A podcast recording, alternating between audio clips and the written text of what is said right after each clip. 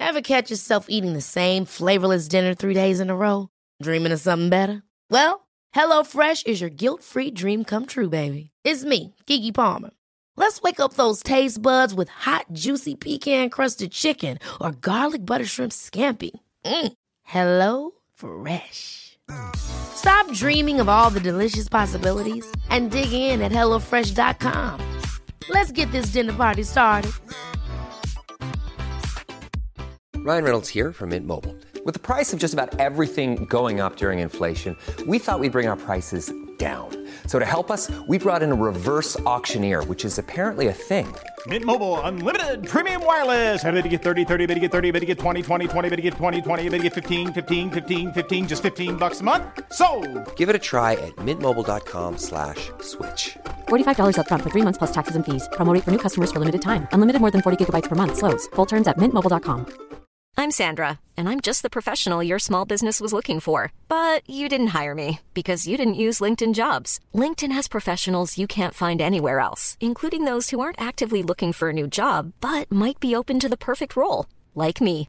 In a given month, over 70% of LinkedIn users don't visit other leading job sites. So if you're not looking on LinkedIn, you'll miss out on great candidates like Sandra. Start hiring professionals like a professional. Post your free job on linkedin.com/spoken today. Welkom bij aflevering 177 van de Vierkante Paal. Een special, nog maar eens. En ditmaal een interview met een man die de catacombe van de Bosal als zijn broekzak kent. Hij werkte vijf jaar op de club, startte zijn acteercarrière op de Bosal en is nu een gerespecteerd podcast-host. Hij schopt het daarnaast ook al tot een functie bij de Voetbalbond, met wie hij deze winter naar het WK in Qatar trekt. Het is Gilles Mbebea.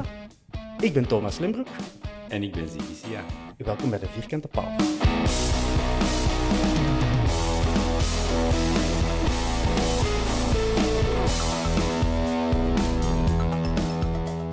Yes, de eerste test doorstaan. Ik heb Gilles zijn niet zo makkelijke naam goed uitgesproken. Yes.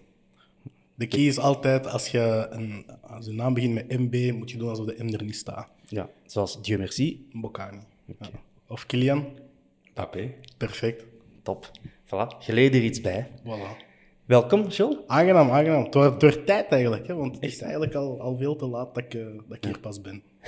Ja, we hebben een, een strikte policy van niemand van die, die op dit moment bij de club werkt eh, eh, uit te nodigen. Ah, oké. Dus het kwam mij heel goed uit dat jij gestopt bent op de club. Gilles, Dat was dan perfect voor jullie. Ja. waarom ben jij gestopt op de club? Goh ja, ik, ehm, een vriend van mij die werkt, eh, die werkt als scheidsrechter bij een bond. En die zei dat er een vacature was in dezelfde rol als dat ik bij, bij Antwerpen op dat moment vervulde. Dat was denk ik in februari ongeveer. En ehm, ik zei van, weet je wat, ja, zeg, geef mijn naam door. En ze zei van, ja, je moet wel echt solliciteren zoals al de rest. Ook al zien we wel dat jij een profiel bent dat wij zoeken. Dus ik mijn cv doorgestuurd en dan eh, zei ze van, ja, kunnen we eens, kunnen we eens bellen? Na een telefoongesprek uitgenodigd geweest en ehm, na een week later was hij eigenlijk al zo goed als rond. Ehm, en ook ja, in die, in die gesprekken zeiden ze ook van ja, je gaat hoogstwaarschijnlijk mee moeten naar het WK in Qatar. En Oh. dan was het voor mij al, ja, je, dan, dan is het al rond. Terwijl dat, bij Antwerpen mij zeker ja, jaren heb geamuseerd en, en ik vond dat heel tof. En, ehm, ik heb daar met heel toffe mensen samengewerkt en ik heb een beetje spijt zelfs dat ik er weg ben, want ik heb me altijd geamuseerd en eh, hard gewerkt met toffe mensen, maar dat was wel een uitdaging waar ik zoiets van had van hoe vaak ga je het horen dat je meegaat naar een WK, snap je? Ook al is- eh, is het misschien niet meer de ploeg waar dat van wordt verwacht dat ze gaan winnen, dat is nog steeds wel het grootste voetbalevenement ter wereld. Dus ik had wel zoiets van, zelfs met de spijt van Antwerpen te moeten verlaten, gaat dat wel, eh, ga ik dat wel doen. Top, hè? Dus daarom... eh, A boyhood dream Ja, voilà. coming true. Dus, eh, Dat is, dat, dat is, ja, Sven zei dat ook op het moment dat, ik- dat ik het dan kwam zeggen van ja, ik heb de beslissing wel genomen. Want ik had ze wel op de hoogte gebracht dat ik, eh, dat ik was aan het praten met de bond. Dat ze wel dankbaar afnamen. Maar op het moment dat ik dan zei van ja, de knoop is doorgeraakt, zei Sven ook van eigenlijk op het moment dat jij zei dat je naar een WK kon gaan, dan snapte ik al wel van al spelen wij Champions League en spelen voor een titel elk jaar, dat is, dat is nog altijd niet hetzelfde als, als naar een WK gaan. Ja, ja. De bond heeft nu moeten, niet moeten afkopen of zo, uw contract, eh, Nee, nee, transfersom, een half miljoen. Ah, ja, ik denk dat ze toch 200 miljoen aan moeten- Nee, nee, nee. Het is, eh, daar, was niks, eh, daar heeft niemand niet moeilijk over gedaan, ook niet. Ik denk, op de manier waarop ik ben vertrokken op Antwerpen, zei iedereen ook... Ja, dat, dat getuigde wel dat, dat ik daar ja, graag gezien is misschien al een groot woord, maar dat ik wel, dat wel geapprecieerd werd wat ik daar heb gedaan. En ze zeiden ook van, dat is geen vaarwel, want dit voetbal weet natuurlijk nooit. Dat is zo. Dus eh, op, op die manier was ik toch blij dat ik zeker niet met, met slagende deuren of zo moest, eh, moest vertrekken. Ja. Hoe zijn je op de club terechtgekomen? Ik weet dat, maar Eh, dat zie je nog niet bijvoorbeeld. Ik studeerde sportmanagement, eigenlijk ja, bedrijfsmanagement, optie sportmanagement aan Thomas More in Turnhout. En in het derde jaar moesten wij een stage vinden. We moesten er geen vinden, er was ook een lijst met stageplekken, maar die interesseerde mij niet echt zo direct. En eh, ik had zoiets van, ja, ik wil toch altijd in, in... Ik heb altijd al in het voetbal willen werken, omdat ik eigenlijk ook geen andere passies had dan voetbal. en ehm, ik dacht van, weet je wat, ik stuur gewoon een mailtje naar, eh naar Sascha van de Sande op die moment. Eh, omdat hij ook, dat is, die zijn vriendin is de buur van mijn tante. Dus ik had zoiets van, weet je, via, via ken ik eigenlijk al wel iemand, dus ik kan eens gewoon een mailtje sturen met het niemand nodig die dat 13 weken gratis kan werken. En Ja. zoals dat jij wel kunt beamen, dat was een periode waarin dat er heel veel werkkrachten... Er was werken nog. Ja, dat was heel welkom. En eh, eigenlijk was dat ook vrij snel rond en had hij gezegd van, ja, weet je, eh, kom maar, 13 weken ondersteunt de horeca. Maar dat was dan ja, eerst enkel horeca, omdat het zogezegd ja, een horecastage was, maar na een tijd had ook wel zoiets van, oké, abonnementsverkoop moet geholpen worden, je zit met je computer even in Quadro gebouw en je helpt gewoon tot één uur s'nachts totdat iedereen, totdat die hele lijn weg is. En ja, zo van die dingen. En ik denk dat, omdat we, we waren met drie stagiaires, ik, Niels en Benjamin, denk ik toen. En ehm, ja, wij zaten daar soms echt tot één uur s'nachts en de volgende ochtend om 8, 9 uur waren we er terug. En zowel jij als Sascha als eh, Thomas Broekhart in een tijd hadden toen tegen ons stagementors gezegd van ja, gasten hebben top gewerkt en dit en dat. En dan ja, was er de promotie natuurlijk. Ja, En- het was het promotiejaar, 2016, voilà. 17. Het was eh, van januari tot, tot mei 2017 heb ik daar stage gedaan. En ja, dan promoveren ze. En op die moment was Jörg Torele de COO, denk ik. Ja. En eh, die zei ook altijd, toen dat de promotie zeker was, van ja, we gaan, er gaan nieuwe mensen bij komen, want iedereen weet dat er genoeg werk is. Zeker met het aantal mensen dat er op dat moment was. En ehm, dan eh, gaf hij eigenlijk al zo'n knipoog naar ons. Dus ik had toen ook zelf wel eens, weet je wat, ik solliciteer gewoon, geef een cv aan, aan Sven en aan Jorik. En dan hadden zij, ja, dat was een keer of drie, vier erover praten over ja, wat is de exacte functie, waar dat ze iemand voor nodig hebben en eh, wat gaat moeten doen. En ja, je weet hoe dat contractonderhandelingen gaan als, als werknemer. En eh, dan was het eigenlijk al vrij snel rond. En heb ik eerst nog in de zomer uh, met regimebaas de financiële dienst mee ondersteund. Dus Alles kan je, hè? Dus ja, ja, alles kunnen is veel gezegd. Je hebt er ook eh, veel van gekregen in die zomers. Hè. Dus juli, augustus was dat eigenlijk vooral zo, ja, facturen beheren en, en dingen afvinken en zo. Want ik zeg het, het, het facturatiesysteem toen was, was ver van wat een profclub moest zijn. Dus ja, dat helpen mee, mee helpen opkuisen en zo. En eh, vanaf september mocht ik dan uh, voltijds beginnen. Maar dan als materiaalman. Ja, ja, ja op het contract stond er logistiek medewerker. Ja. Um, ik denk dat dat ook wel... Er wordt vaak zo nog een beetje naar neergekeken, naar, de, naar de term materiaalman. Dat, dat, dat lijkt zoals iemand die gewoon de potjes klaarlegt s ochtends. Maar dat was eigenlijk wel, wel vrij veel. Dat was ay, ook al zaken als bijvoorbeeld nieuwe spelers gaan halen van, van de luchthaven. Uh, die begeleiden naar hun medische testen. Um, dat was zorgen dat, ja, die, die, dat die weekplanning mee wordt opgevolgd. Uh, in contact staan met, met chefs en met... Mm -hmm. uh, met, met makelaars zelfs soms die dat zeiden van ik wil dan een afspraak. En eigenlijk een beetje zorgen dat die spelers niet gewoon direct een bureau kunnen binnenwandelen bij, ja, ja. bij de directeur, zeg maar. En dus een beetje zo dat schakelfunctie zijn. En uh, natuurlijk kan er ook heel veel kledij bij kijken en heel veel materiaal bij kijken en, en bestellingen opvolgen en dit en dat. Dus het is niet meer, denk ik, een job van, van 50 jaar geleden waarin dat je elke avond gewoon de kleren komt wassen. Het is echt wel ja. een volwaardige voltijdse job. Want tevoren werd dat gedaan door vrijwilligers ook, de, de Gillion uh, onder andere. Ja, en uh, Raymond de Witte, die dat er nu ja. trouwens nog altijd is. Ja. Maar uh, daar zit ook een hele omkadering rond. Dus, Nicolas Bergmans heeft dat, heeft dat zo meer mee geprofessionaliseerd en overgenomen. wie zit er daar nog? Steven Mapijvel heeft er ook een tijdje gezeten. Die zit nu bij Waasland Bever, okay. of bij Westerlo, denk ik.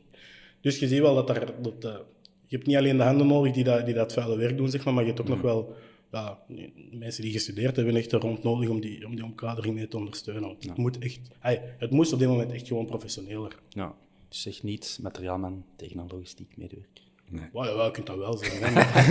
Zolang dat je wel weet van het is niet, het is niet iemand die gewoon komt s'avonds om de was te doen. Ja. Maar ik hoor de termen quadrogebouw, eh, vrijwilligerswerk. en dan denk ik van, ja, het komt er nou niet anders zijn dan voor de promotie. Ja. Dan heb jij eigenlijk ook echt de volle transformatie van de club, of het inzetten van de transformatie, meegemaakt tot waar dat we de dag vandaag staan. Ja, ik, ehm, ik, ik herinner me nog dat ik... ehm, er was ja, ook een event mee georganiseerd en Sascha had toen gevraagd van... wil jij mee zorgen voor eigenlijk de catering tijdens de aankondiging van de nieuwe coach? En niemand wist op die moment wie dat ging zijn. En ik, wij waren glazen op die een pintje aan het. Op die moment kwam Donofrio samen met Paul Gijssen binnen. Dus dat was een van de eerste herinneringen. Eh, en terwijl een van de laatste herinneringen was dat wij, ja, dat wij eh, onder Brian Priske Europees voetbal speelden. Dus dat is wel een hele een gigantische leap dat er inderdaad in die vijf jaar zijn genomen. Die persconferentie toen met de, eh Belloni was dat toen. dat was Ja. Prachtig kostuum. Ja, dat was ook hilarisch hoe dat, dat in zijn werk ging. Het was inderdaad dan nog in het quadrogebouw. Ja. Niemand wist wie dat de, de nieuwe trainer Ja. ging worden.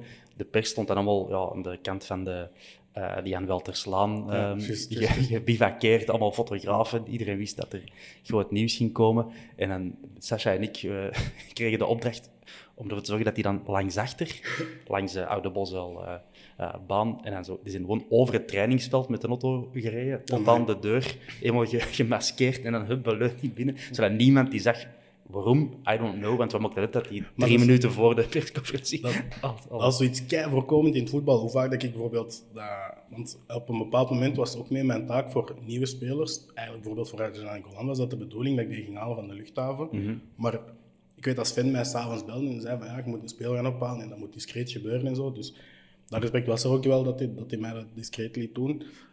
En ik, zei, ik, ik zeg dan, ja, oké, ik ben morgen op de luchthaven op dat uur. En ik lees in de krant opgezet van Antwerpen, maar ik wil aangetekend, dat Antwerpen heeft morgen een vlucht om dat uur. Ik denk van, ja, oké. Snap je? Dan, Ja. Dus het is grappig, want die discretie moet er altijd zo zijn in het voetbal. En iedereen wil zelf altijd het grote nieuws brengen, maar die kranten en die journalisten en die makelaars, dat zo'n sluwe wereld, die weten meestal al alles voordat de werknemer dat weet. Dus Ja, dat is... is- ik denk dat dat wel overal in het voetbal zo is. Ja. Alright. Eh, je bent dan een paar jaar logistiek medewerker geweest en Yes. ook teammanager van de belofte. Ja, Heb ik heb eerst, eh, wat was het, Eh, drie jaar onder Beleuni. Nee, twee jaar onder Beleuni was ik eh, logistiek medewerker. En dan in het derde jaar, het is zo dat ik me herinner altijd, het jaar van Beleuni. Het derde jaar van Beleuni wou ik dan eigenlijk terug gaan studeren. Dus ik wou dan op het Johan Cruijff Instituut in Amsterdam de master in sportmanagement gaan doen. Ik had dat dan tegen Sven gezegd ook. En hij zei van, ja, weet je, ik, ik, eh, niet, dat ik, niet dat ik niet weg mocht, maar hij zei van, zie je dat misschien zitten om mee... Eigenlijk dat alles is geprofessionaliseerd bij de eerste ploeg, om dat meer een beetje bij de belofte te doen. Ehm, om daar teammanager te worden en eigenlijk gewoon het volledige takenpakket op u te nemen. Ehm, en dan heb ik dat een, half- een, een jaar eigenlijk gedaan, want dat was het COVID-jaar, dat was 1920. Eh, was het eigenlijk maandagochtends in Amsterdam op school en woensdagochtends in Amsterdam op school. Maar maandagavond hadden wij een wedstrijd, dus het was soms echt Amai. Amsterdam en dan de race naar Antwerpen, bus naar Virton pakken, match in Virton en om, om, om één uur s'nachts thuis. Dat, dat zijn maandagen geweest. En ehm, dan was het dinsdag ja, vrij, gelukkig. Eh, woensdagochtend dan terug Amsterdam. Dan woensdag namiddag training, donderdag, vrijdag, zaterdag, zondag ook training. En alle chance moet ik dan zeggen, eigenlijk mag ik dan niet zeggen dat, dat het COVID-jaar was. En in februari, ja, eh, Ja. 13 maart, dat was met mijn verjaardag, lag ineens alles stil. En eh, dan ben ik online eigenlijk afgestudeerd. En Ja, ja, eh, het jaar daarna ben ik voltijds als teammanager begonnen voor twee jaar. Dus eerst een volledig COVID-jaar gedaan. En eh, dan het voorbije seizoen onder eh, Brian Priske. Alright. En ook met samen voor omstandigheden, je hebt uiteindelijk zelfs eh, zelf ook naast het, eh, het veld bij de A-ploeg gestaan, toch? Eh, ja, omdat, was het omdat, ik denk omdat Sascha zijn, zijn vriendin was bevallen of omdat hij COVID had. Ik denk, ik heb drie keer in totaal ingevallen. Dus de match op Gent, de match op Kortrijk en een thuiswedstrijd tegen. Dat weet ik niet meer. Dat weet ik al niet. Ik ook niet. We hebben het nog gezegd in de podcast zelfs. Ja, ja, hier de Gilles Ja, op Gent, op Kortrijk en thuis tegen. Nog niet zo lang geleden. ook niet. Nee, dat was helemaal niet lang. Ik denk Union. Hmm. Ja, dat was Union. Ja. En het grappige was, de eerste wedstrijd dat ik erbij kwam, wonnen ze 0-1 met echt slecht voetbal. Ja, ja, Kortrijk. De tweede wedstrijd wonnen ze dan ook met kei slecht voetbal. En ik wandelde de dag voor Union ja, binnen in, in, in mijn pak. En uh, wie was dat? Ik denk Sander Koop, nee, Birger Verstraat, ik naar mij en Bjorn Engels, die zagen mij passeren en zeiden, ah, het is binnen, voilà. ik denk, nu aan Pandoring gekregen. en, uh, en al die mochten niet meer. Ja, nee, nee. Brian zei ook na de eerste wedstrijd van, jij komt volgende wedstrijd terug. En het was effectief zo. Dus, ja. dan toch, toch nog mogen meemaken, dat was wel een van de, van de leukere ervaringen, zeker. Ja, voilà, want inderdaad, dat gezegd denk ik van, started at the bottom and now he's ja, holding up de rugnummers en even het veld. Ja, voilà, en zelfs, zelfs een, een, foutje gemaakt met de rugnummers, omdat ze, omdat ze een foute naam tegen mij zeiden. Maar dat was, dat was allemaal uh, heel leuk meegenomen. Okay. Als Top. je zo al die fases terugkijkt en je zegt, hè, eerste ploeg met Brian Priske, destijds met Beleuni ook ja. samengewerkt, hoe kijkt je erop terug? Goh, als in, ook een enorme transformatie, zowel van de club en als mij als, als, als ja, in mijn carrière, maar ook als persoon. Ik denk dat de persoon dat ik toen op het begin was, was echt ja, net uit de studieboeken en, en de wereld had ontdekt, terwijl ik nu zo wel iets heb van de voetbalwereld zit wel zo in elkaar en je weet wanneer dat je moet zwijgen en je weet wanneer dat je mening moet geven. En, en ja, je, je, evolueert zeg maar een beetje mee met de club en je dat ook aan heel veel andere mensen, want er waren heel veel mensen op dat moment ook nieuw.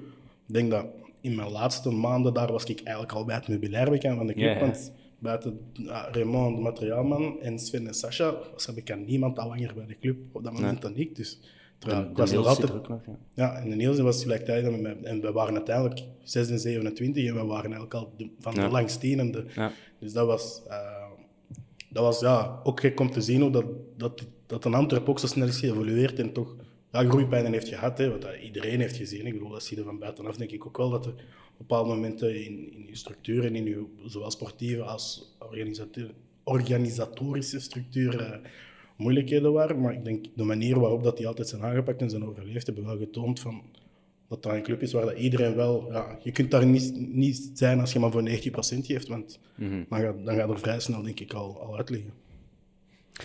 Dat was ook zo iets wat ik mijn eigen afvroeg, was hoe is die een bedrijfscultuur, of hoe is dat werken bij de Antwerp? Nu zeker met de status dat ze willen nastreven en dergelijke. Goh, hoe is dat? Want je zegt zelf, hè, als je eigen maar 90% geeft, dan valt er tussenuit. Is dat achter de scherm hetzelfde? Ja, ik denk van wel. Zo in positieve als negatieve zin heeft iedereen wel door van er moet echt hard gewerkt worden. Dat kun je zelf ook beamen. Dat, op het moment dat ik daar aankwam, zei iedereen ook van als je 9 tot 5 wilt doen, dan, dan kun je best nog een ander stage gaan aanvragen. En dat was effectief zo, want we zaten er soms tot in de nacht. En, en alle andere werknemers ook. En, dat is of dat je nu in de fanshop stond of, of achter de ticketing of, of horeca deed. De, er, werd, er werd heel veel verwacht en we wisten ook dat er niet altijd... Ja, dat kwam van een club waar dan niet altijd de middelen waren om iedereen te vergoeden. Dus je moest, ah, je moest bij wijze van spreken niet gaan zagen, ik zit hier op een zaterdag of een feestdag. Dus van, doe je werk gewoon, snap je? En dat, dat wist je onderling van elkaar, maar iedereen zat er uiteindelijk wel met hetzelfde doel van een Antwerp zo ver mogelijk te brengen. En ja, de, die mentaliteit, ik denk dat je dat ook bekend, dat is, dat is iets heel eigen aan de sportwereld. Ik bedoel, mhm. je kunt, ik, ik zou bij wijze van spreken niet denken dat als ik ja, in, bij Microsoft zou werken, dat ik zoiets heb van, ah, Microsoft moet zo ver vooruit gaan, dus ik ga hier mm -hmm. mijn kloten, zeg maar, bij wijze van spreken eraf draaien. Dus dat is iets, ja, je hebt, je hebt dat over voor, voor, voor je club en je, die clubliefde groeit ook gewoon veel mee. Dus. Ja. ja, goed dat je erover begint, want je bent eigenlijk van het kiel, hè, Gilles? Ja, dat is dat is, dat is kijk dat niemand mij dat ooit zo heeft genomen. Of, en nazeggen. Ja, voilà, maar dit is echt het ideale moment om het uit te klaren. Maar dus, um, mijn onkel is een heel harde Beerschot supporter. En dat is eigenlijk altijd degene die mij naar het voetbal heeft meegenomen. Uh, mijn papa is voor Anderlecht, mijn grote broer is voor Anderlecht. En mijn onkel is voor Beerschot.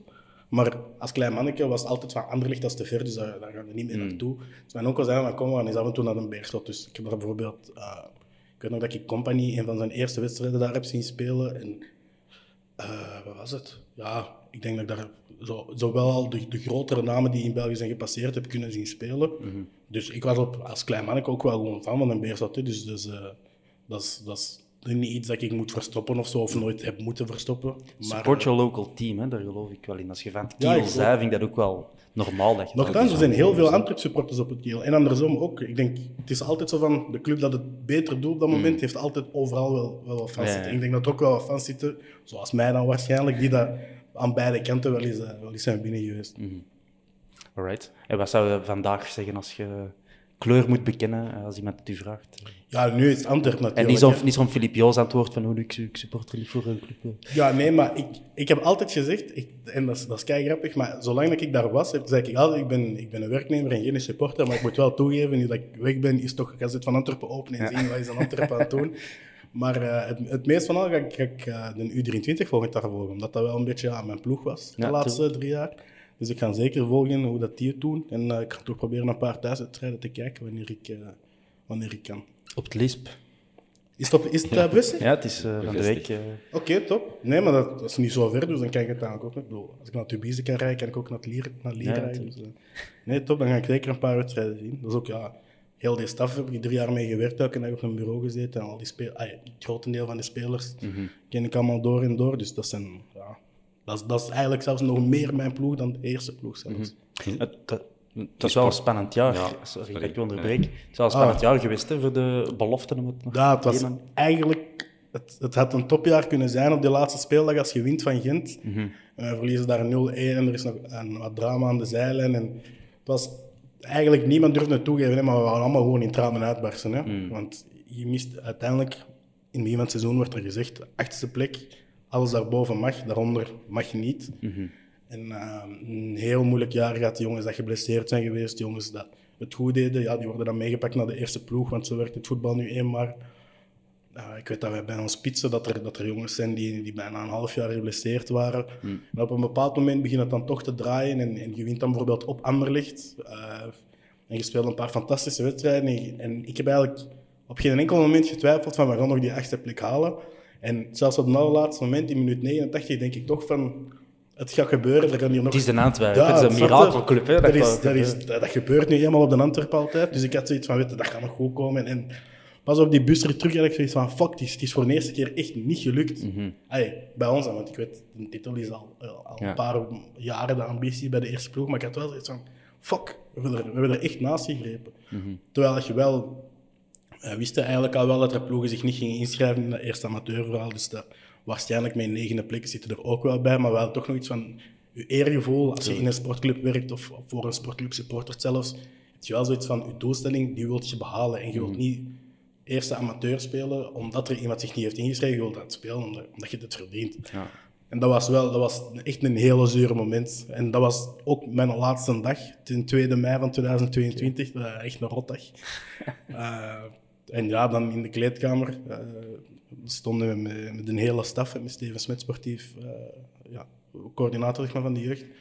En dan uh, zeiden ze, ja, nu moeten we een speech geven. Dus ik stond daar met ja, een krop in mijn keel. Ik zei, ah, ik kom niet wenen, niet wenen, niet wenen. En ja, toch een, een, in mineur een beetje afscheid moeten nemen van die gasten. Maar, Kartonnen doos in uw wand met je ja, wel gereven. ja, met, met, met, mijn- met een mooie fles dat ze mij ook nog eh, allemaal samen die gekocht. Dus dat, dat er ook maar van, dat was, die groep was, dat was ja, je hoort dat vaak in films, maar dat was meer dan een groep. Je, je had echt zo dat familiair gevoel van, je zit ook zeven op zeven met de meeste gasten en met de meeste mensen op het bureau en, en in de club. Dus dat was, eh, dat was een heel moeilijk moment. Maar ik had wel zoiets van, ja, weet je, dat, is, dat is een uitdaging dat ik wil aangaan. Dus, en het is ook geen vaarwel, zoals dat we al zeiden. Was, wij, wij ook. Dat is ook nooit een vaarwel geweest. We zien elkaar ook helemaal terug. Dus eh, ja, dat was, dat was een rot moment. Maar eh, was, het was wel een mooie, een mooie afsluiter, zeg maar. Van, Ja. In Sportvoetbalmagazine heb je ze uw kleine broers genoemd. Ja, dat, dat was het met momenten nog. Ik denk, zeker in het eerste jaar eh, dat ik daar zat, dan waren de oudste spelers van 7 en 98 en ik ben van 95. Dus dat waren gasten die maar twee jaar jonger waren dan mij. En ehm, ik heb altijd zo gezegd van, een teammanager dan is, is, is meer een grote broer zijn soms voor die gasten. Want eh, je ziet, ja, vanaf dat die gasten aankomen op de club, ja, die zoeken een appartement, jij zit daar. Die zoeken een auto, jij zit daar. Eh, die weten niet hoe dat de huisvuilophaling werkt, jij zit daar. Eh, die hebben kledij nodig voor te trainen, jij zit daar. Dus het is eigenlijk, die een hele dag is een beetje afgestemd op hoe goed helpt jij hun. Ja. Dus ja, dat zijn een beetje hun kleine broers. En je hebt er natuurlijk, die wonen bij hun ouders en die hebben dat allemaal niet nodig. En sommigen hebben zelf een rijbewijs. Maar we hebben ook jongens gehad, bijvoorbeeld Lee Auranda was een Chinese jongen. Die had ja, geen familie in België, die sprak eigenlijk ook niet genoeg Engels. Dus ja, die gewoon met alles helpen. Die een makelaar, is dan eigenlijk al via Google Translate met je aan het praten. En op Dat die vraag manier... jij, van zo'n gasten vraag jij je dan zelf ook niet af van... Wat doet die jongen hier? Ah, wel, Of is dat gewoon een knopje dat gewoon draait? en- ergens, ergens ergens is aan de knop dat je moet omdraaien. Hè? Want je kunt moeilijk aan zo'n gast vragen van... Hey, je bent hier een tijd aan het verspillen of zo. Maar ik, ik heb langs de andere kant ook zoiets van... Stel dat ik echt een droom heb en ik wil die naleven. En iemand zegt tegen mij van... Je moet in China gaan werken, want uiteindelijk die jongen is van China naar België gekomen. Ja. En als je echt die droom wilt naleven en je hebt dat ervoor over, de- des te mooier is het als het lukt. En het, het lukt niet altijd bij iedereen of niet altijd op de manier dat je hoopt, want er zijn altijd omwegen in het leven en je belandt altijd in, in andere situaties dan dat je denkt. Maar ik denk dat er heel veel jongens zijn die, die wel het beste uit, uit het verhaal hebben gehaald. En ook jongens waar dat je nu nog contact mee hebt, dat is eigenlijk nog mooier dan gasten zien debuteren, vind ik. Als je gasten hebt die bijvoorbeeld naar een andere club gaan, zoals onze kapitein van het eerste jaar, Abdoulaye Diaby. Die is naar Oespest gegaan, in Hongarije. En toen had hij daar zijn eerste goal had gestuurd, had hij direct naar ons allemaal een, een, video van zijn goal gestuurd. En dat is eigenlijk het, mooiste wat dat je kunt meemaken. Het feit Ja. dat die gast zoiets heeft van...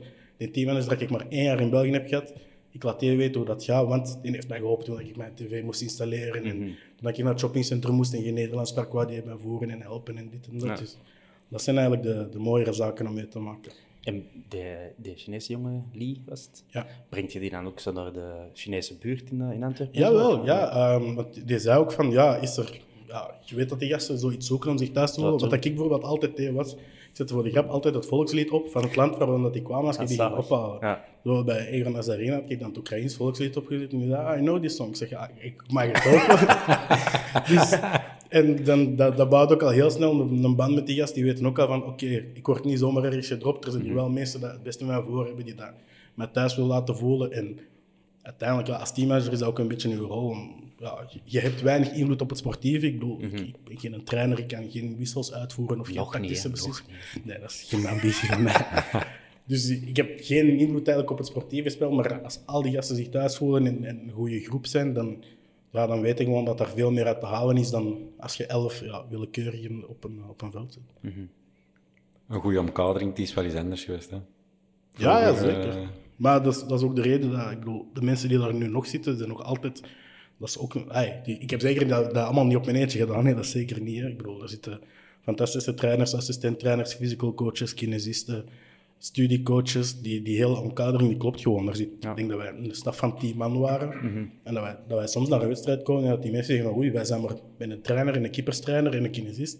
En een kinesist is dan eigenlijk nog iemand die, die dat bij de, ja, in de kantine werkt, snap je, bij van spreken. Dus dat, dat sommige ploegen zeggen, jullie doet er wel echt veel voor, maar ik denk dat dat, dat is ook de manier om het beste uit die gasten te halen. Het kan soms zijn dat gasten meer hebben dan minder, maar ik denk dat de meeste van onze gasten, die hebben wel altijd bijvoorbeeld ja, een toeverlaat bijvoorbeeld. Ik, bedoel, ik kan me inbeelden dat niet iedereen met een T1 of met een T2 wil praten met sommige gasten. Of dat nu van Afrikaanse afkomst zijn, of gasten die ook iemand nodig hebben dichter bij hun leeftijd.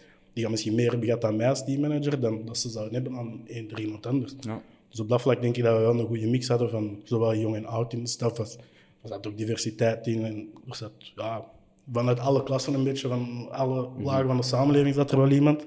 En op dat vlak denk ik dat die gasten wel ja, de goede begeleiding hebben kunnen krijgen. Eerst even rechtzetten. Vroeger werd de omkadering... Iedereen die op de club was ook zijn stinkende best. om Ja, er het best zeker, van te maken. zeker, Dat wil ik zeker. even rechtzetten, want ik heb er vele jaren geweest, hè, ook Maar- met, met de mensen van de belofte. Het is minder gestructureerd Ja, geweest. tuurlijk, maar dat ligt niet om die mensen die, Nee, nee, die nee, nee, nee. heel hard hun best doen. Er zijn gelukkig nu meer middelen, Meer visie Voilà, eh, om, om er iets aan te maken. Bedankt voor de nuance. Dat Nee, nee, maar ik weet dat ik anders op een dak krijg van, van, van mijn eh, voormalige collega's.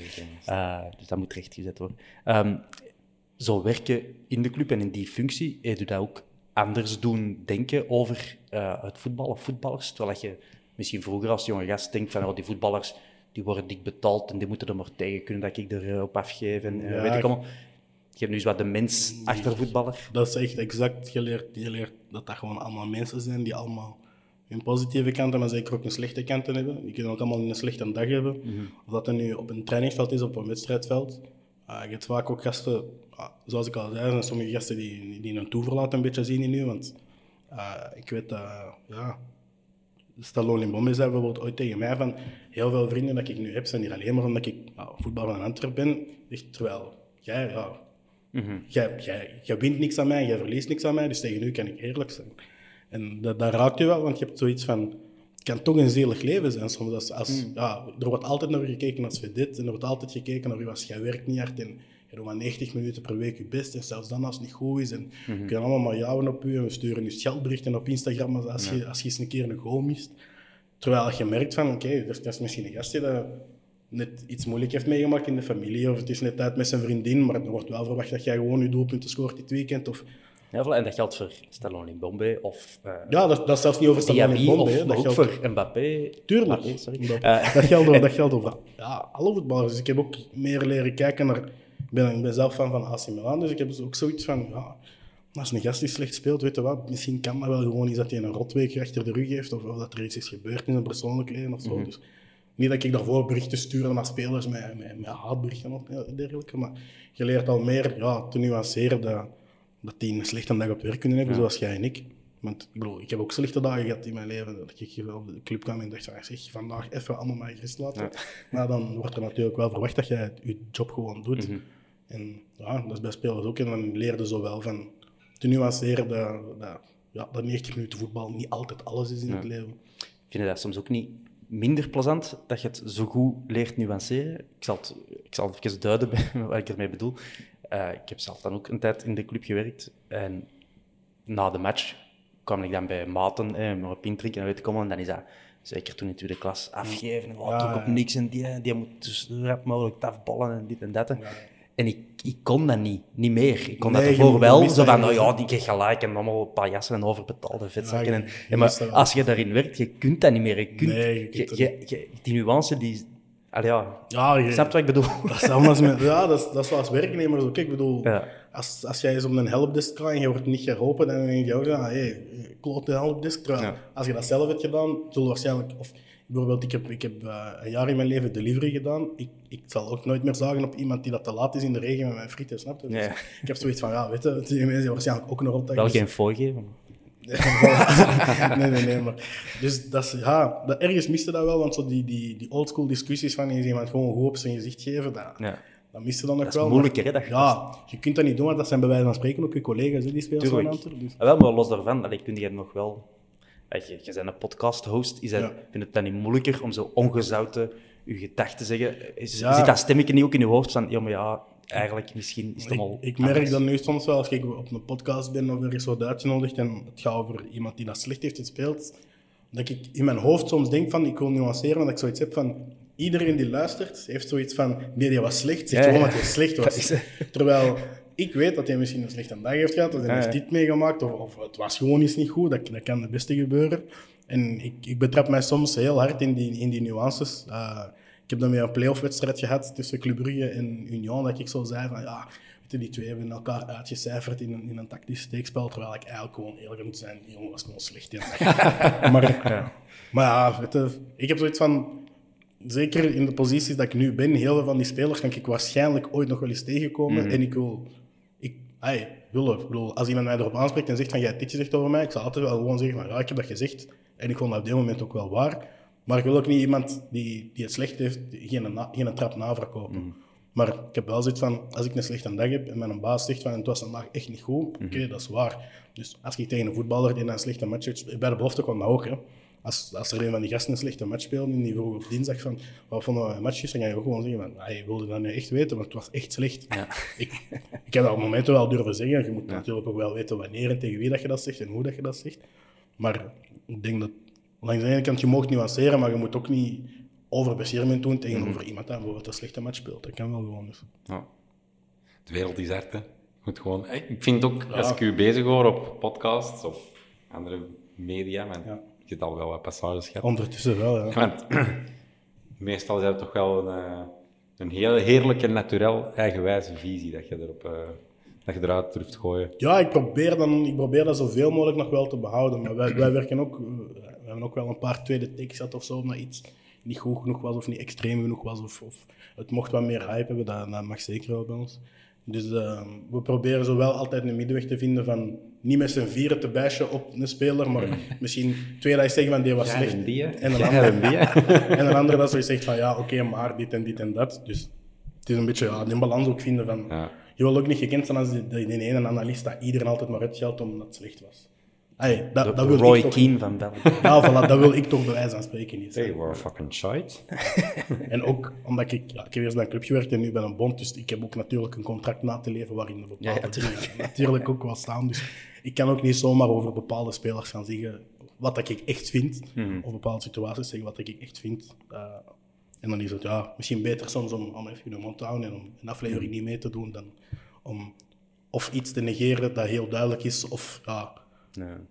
of ja, slecht af te geven op hun eigen werkgever, want dat doe je gewoon niet. Nou, uw band met de spelers of met een aantal spelers zal wel goed zijn. Wordt, jij, eh, wordt die band zo goed dat jij ook wordt betrokken in die hun privéleven? In de zin van uitgenodigd worden op feestjes, want je bent een jonge gast, of op huwelijksfeesten bij de meer ervaren eh, mannen in de ploeg? Eh, huwelijksfeesten nog niet, maar ik ben wel al iets vaker in de villa geweest dan dat ik eh, had voorspeld. Eh, maar je hebt ook zoiets van, er zijn heel veel spelers, en dat is kei grappig, maar die weten dat jij van Antwerpen bent, dus die weten ook van... eh, ik weet een Dylan, dat de muziek had, toen dat hij aankwam in, die zei ook van, ja, wat zijn de goede restaurants en de goede cafés? En ik dacht van, oh, wat vraag je nu? Maar ja, uiteindelijk, ik ben de enige waar dat je dagelijks mee omgaat, dat Ja. van de stad is, dus...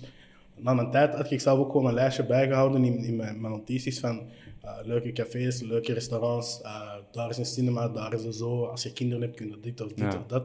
Dus dan, dan heb je na een tijd ook al wel, als er een nieuwe speler aankomt en die zegt van ja, mijn twee kinderen komen. Ja, toevallig, wij weten, daar zijn de appartementen dicht bij de scholen en dit en dat.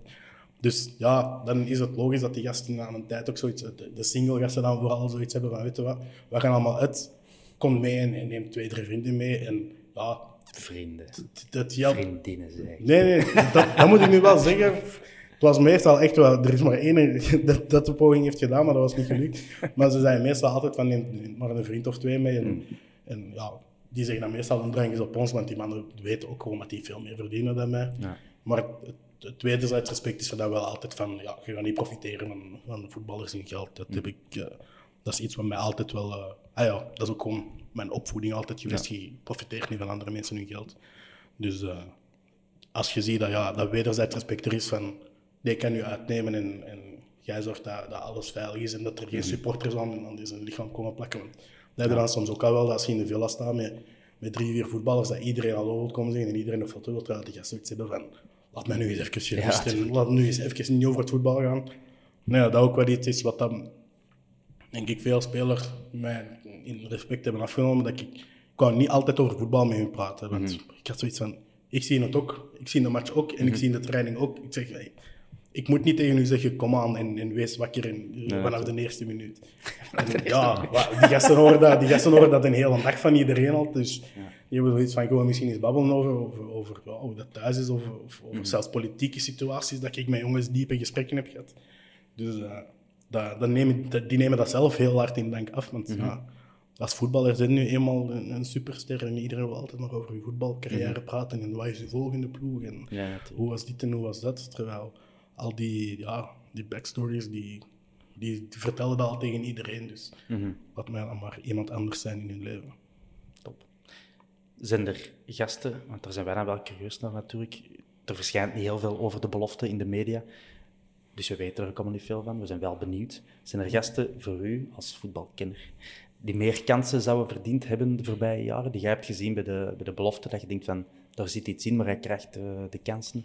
Goh, dat is, dat is, ik ga een heel diplomatisch antwoord geven, maar dat is, dat is een hele moeilijke. Want enerzijds je zoiets van, die gasten verdienen allemaal om een debuut te maken, want je ziet die allemaal keihard werken voor, eh, ja, voor, een, voor een carrière in, in het voetbal. Maar aan de andere kant heb je ook zoiets van, de club is overgekocht door Paul Gijssen. En Paul Gijssen heeft heel duidelijk, ah, iedereen weet dat, deze doel is zo snel mogelijk Champions League spelen. Dus wij weten ook, en dat is, dat is een hele moeilijke som om als staf te maken, om te weten van, zelfs de gasten die dat heel goed doen, gaan soms misschien zelfs een kans niet krijgen, puur omdat, ja, deze twee weken is het, is het vol voor die punten voor de play-offs gaan. Dan is er gewoon even geen moment om, om jonge gasten te laten debuteren en te laten proeven. En dat is, ehm, dat is, dat is een hele moeilijke geweest, denk ik, voornamelijk onder, onder Buleni was dat een hele moeilijke som. Ja. Terwijl bijvoorbeeld toen Verkouter is gekomen, die heeft wel een aspirantenwerking opgezet, waardoor dat er tien gasten eh, twee, drie keer per week mochten meetrainen met de eerste ploeg. En je merkt wel dat ja, die gasten die, die worden ook gewoon beter als je met betere voetballers speelt. hè. Dat, is, dat is denk ik in, in elke stijl zo dat je beter wordt als je van de betere leert. En ik denk dat er heel veel gasten zijn die, ja, vanuit mijn standpunt waarschijnlijk meer heb verdiend. Maar vanuit het opzicht Antwerp moet kampioen spelen, ging dat misschien op dit moment niet. En als Antwerp op dat moment misschien Genk of Anderlecht is, dat al voor de titel meedoet, kunnen die wel zeggen van wij brengen een Marco Canaaf, wij brengen een Arnstad of wij brengen een Stroeikens. En die gasten hebben meestal ook een volledige volwaardige opleiding gekregen, terwijl bij Antwerp, bij onze, met een eerste groep belofte, die zeiden ook allemaal van wij zijn jaloers op de gasten van U12, U13, want Ja. die hebben wel zes jaar een topopleiding, terwijl dat bij ons is het eerste jaar goede opleiding eigenlijk al het jaar dat wij zouden moeten doorbreken. Dus Ja. we hebben gewoon dat, ja, die kwaliteiten niet dat wij zouden moeten kunnen brengen.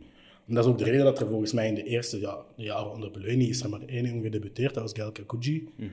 En ja, ik denk, was- die speelt nu in de derde klas, die had net bij Hasselt, denk ik. Ja, het kan zijn.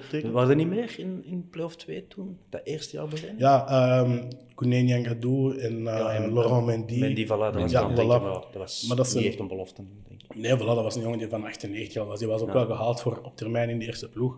Maar echt gasten dat vanuit de jeugd, en dat dat was Robbie Rennen eigenlijk de eerste van. En die had ook eigenlijk maar drie jaar of vier jaar, denk ik, op de Antwerp gezeten. Dus ik denk dat... Dat is altijd heel sexy om te zeggen van ah, we laten jeugdspelers doorstromen en dit en dat. Maar ik bedoel, een Charles de Ketelaar zat van zijn 13, 14 al bij Club Brugge in een topopleiding. Terwijl dat zijn nu de gasten die, die waarschijnlijk in Antwerp 14, 15 jaar zijn. En, en die zullen op termijn ook wel doorweken, want daar, daar zit ook kwaliteit in. En wij zien En alleen heb jij daar zicht op van dat die generatie, zal ik zeggen, die nu 14, 15 zijn, dat die aanmerkelijk beter zijn en beter begeleid worden dan vijf jaar geleden toen ik dat Je ziet dat zowel in de kwaliteit van de trainers die dat er zijn, als in de, de opleidingen dat die trainers volgen, als in eh, de begeleiding dat die spelers krijgen. Want zoals we zeiden, vroeger was die beloftewerking ja, heel klein. Ik weet, Ken Bastijn zei toen, in, in het jaar dat hij met de Portugese trainer Louis werkte, waren die met vier man en Bjorn Vlemings en Steve Kolpaard. en ja, dat was een Die reservecompetitie. hielpen toch wel mee. Ja, voilà. En dat was een reservecompetitie. En eh, effectief beleuning zei dan zo soms op vrijdag van oké, Reda Jadi, uh, Geoffrey Hermans, Dino Arslanjik, die, die zes, zeven gasten die spelen mee met de reserve. En uh, die reserve wonnen dan tegen een U19-ploeg van, van Cirkel Brugge met 4-5-0 soms. Dus dat is geen jeugdopleiding. Terwijl als je nu ziet, we zitten, er zat een beloftekern van 20 jongens onder 21. Die jongens hebben allemaal een individueel plan, die hebben allemaal een schoolplan. Die jongens... eh, worden allemaal begeleid door een studiecoach. Iedereen heeft een weekprogramma en een maandprogramma op voorhand. Die hebben een individueel fitnessplan. Dus tuurlijk dat die gasten ook ja, hoger gaan spelen. En misschien gaat deze belofte nog een generatie zijn van jongens dat in 1B, in eerste amateur gaan moeten voetballen, wat zeker niet slecht is. En misschien is de volgende generatie dan, want je ziet ook aan de rangschikkingen, dat Antwerpen nu in elite 1 eh, jeugdopleiding speelt. En daar de jongere reeksen, die, die staan allemaal mee bovenin te draaien. Terwijl wij met de belofte reeks, wij hebben moeten vechten voor onze achtste plek.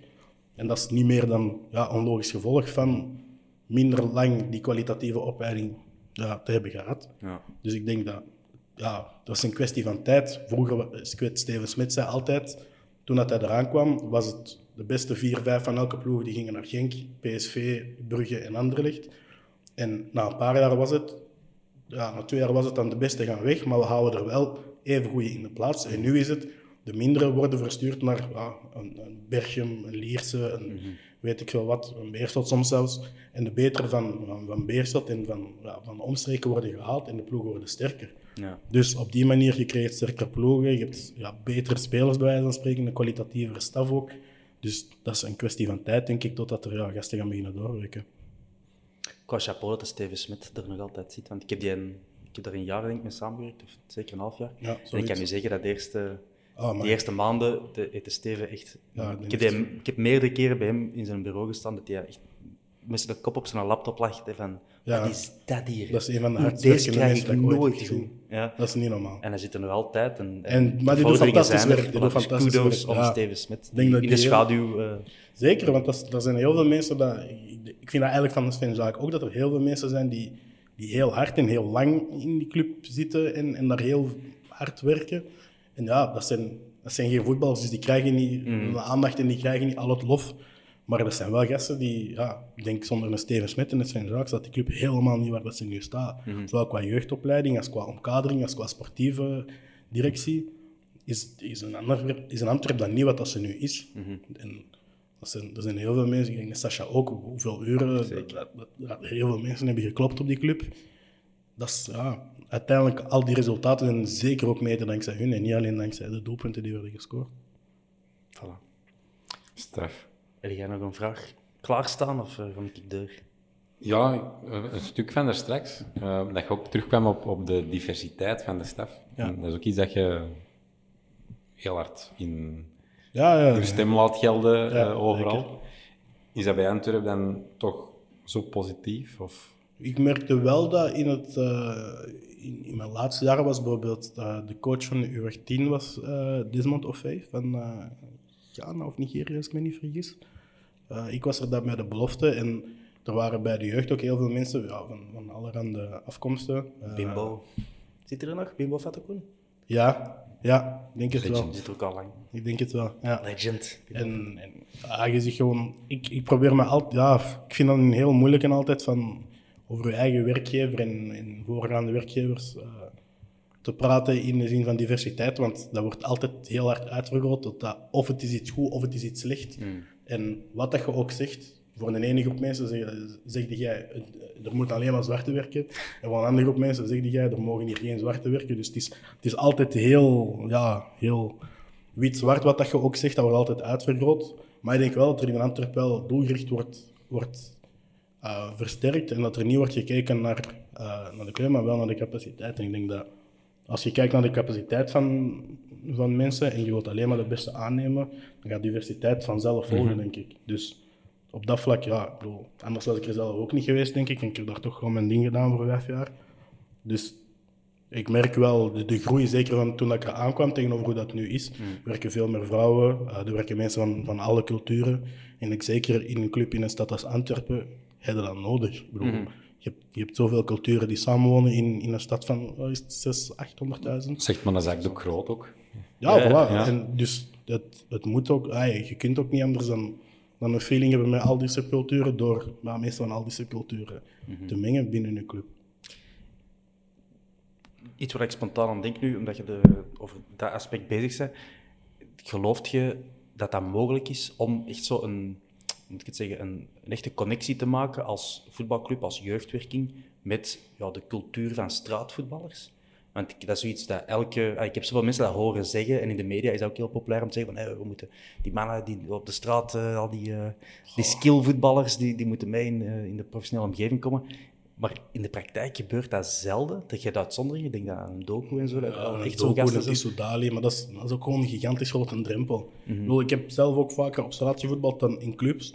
En de gasten waarmee ik voetbalde, die hadden één, meestal het geld niet, want als je, we moeten daar redelijk over zijn, inschrijvingsgeld voor een play-off 1 club als, als Mhm. jeugdspeler, dat is al rap 300, 400 euro.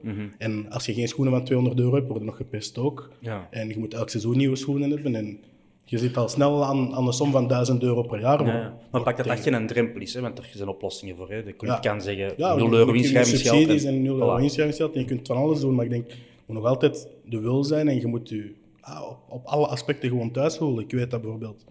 ah, ik, ik heb vrienden die dat zeggen, maar we gaan gewoon niet meer naar voetbal kijken, omdat die nog, ja, in een tijd werden die nog uitgejouwd, gewoon omdat die ja, zwarte waren in het stadion of die hoorden wat dat er werd geroepen aan sommige spelers. En dan zoiets van, daar hoef ik niet te zijn. Ja. En dat is misschien dan al de generatie van mijn oude broer en van mijn vader.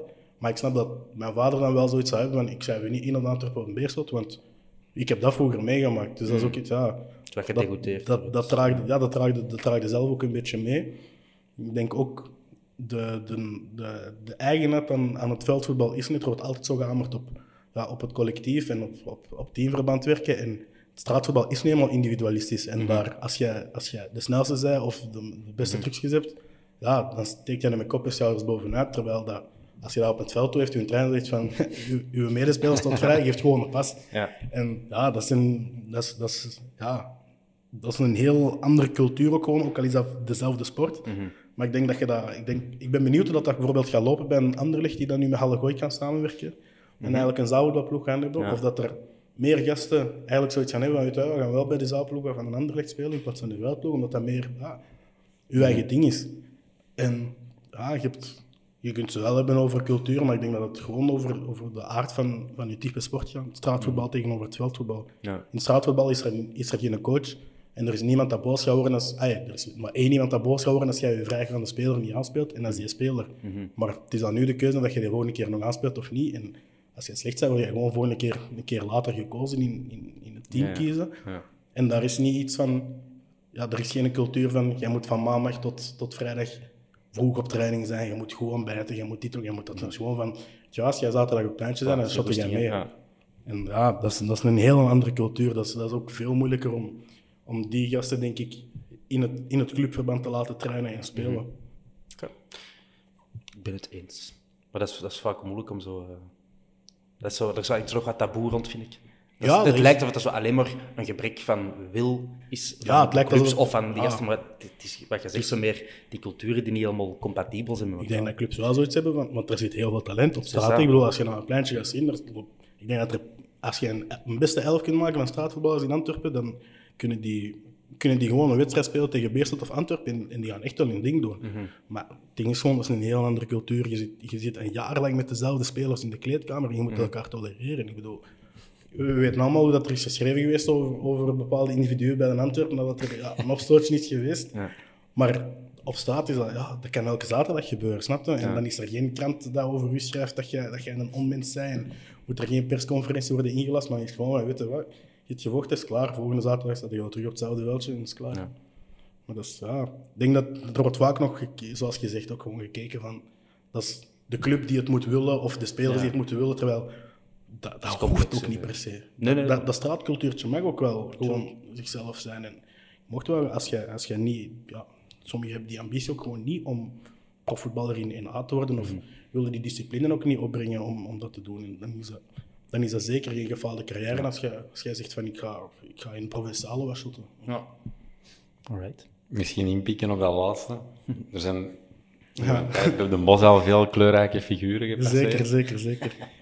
Toch wel eens benieuwd naar wat memorabele anekdotes dat je kunt vertellen. Je hoeft zelfs, bij mijn part, geen namen te noemen. Goh, eh, Maar- zullen de puzzel leggen. Toch wel benieuwd. Je zit met een hoop jonge gasten. Er moet toch... Testosteron vliegt op de Er, ja, er moeten ook toch ook gewoon dingen uitkomen dat je denkt van... Mannetjes, hoe kan deze nu? Goh, ehm,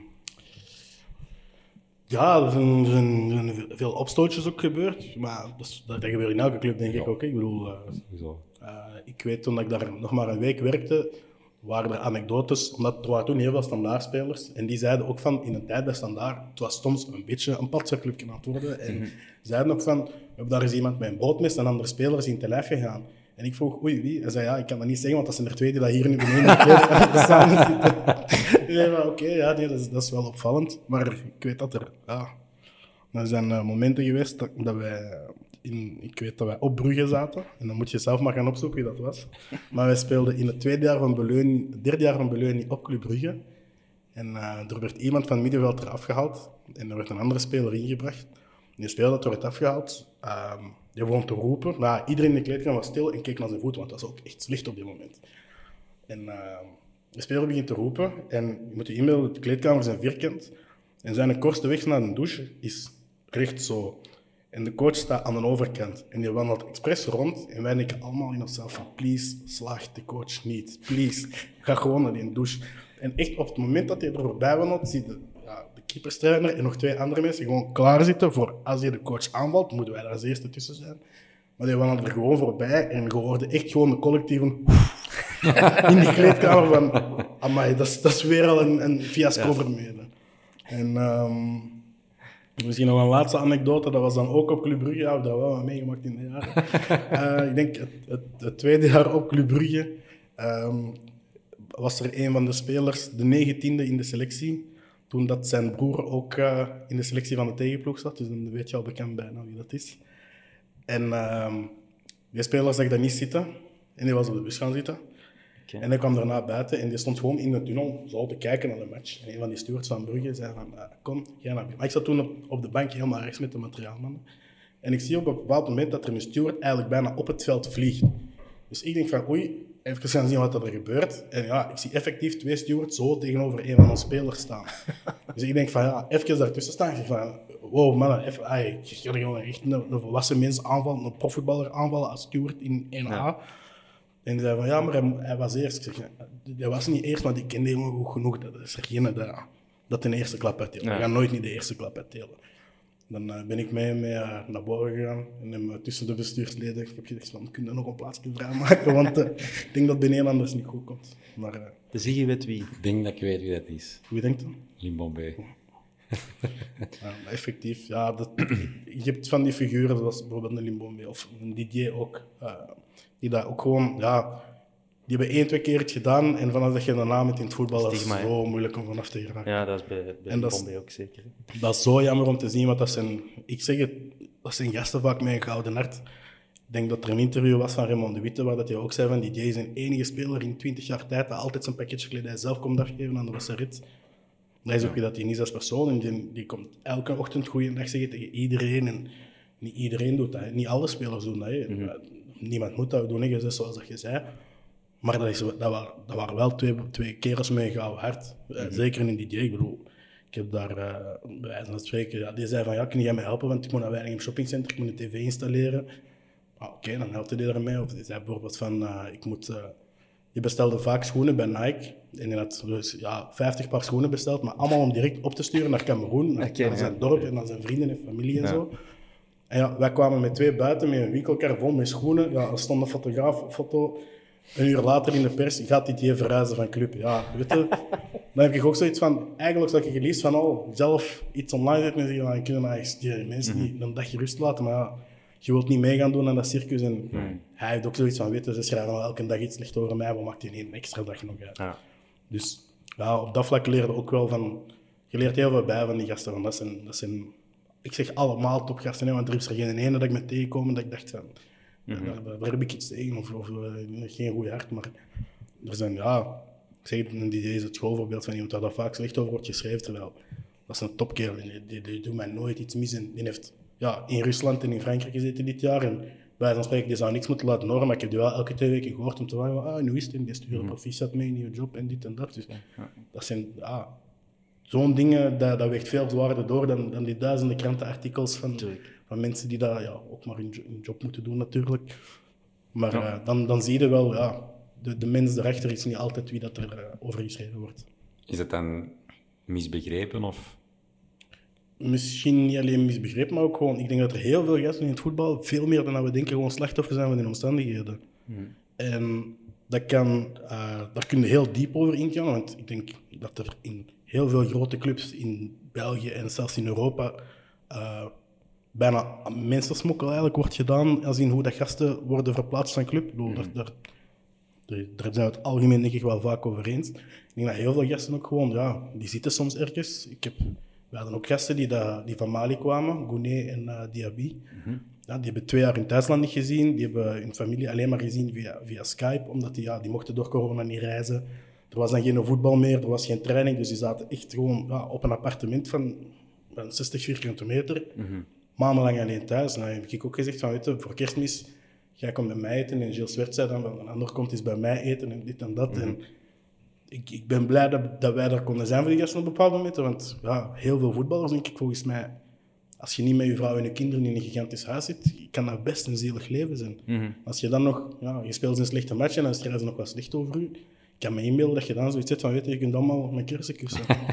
ja, dan, Maar echt. Ja, dat Maar is, dat is- Het is vaak een eenzaam leven, zeg. Ah, als buitenlander zeker. Ja. Er zijn gasten van 2021 die hier zijn en dat, als ze geluk hebben, begeleid worden door mensen Ja, van de club.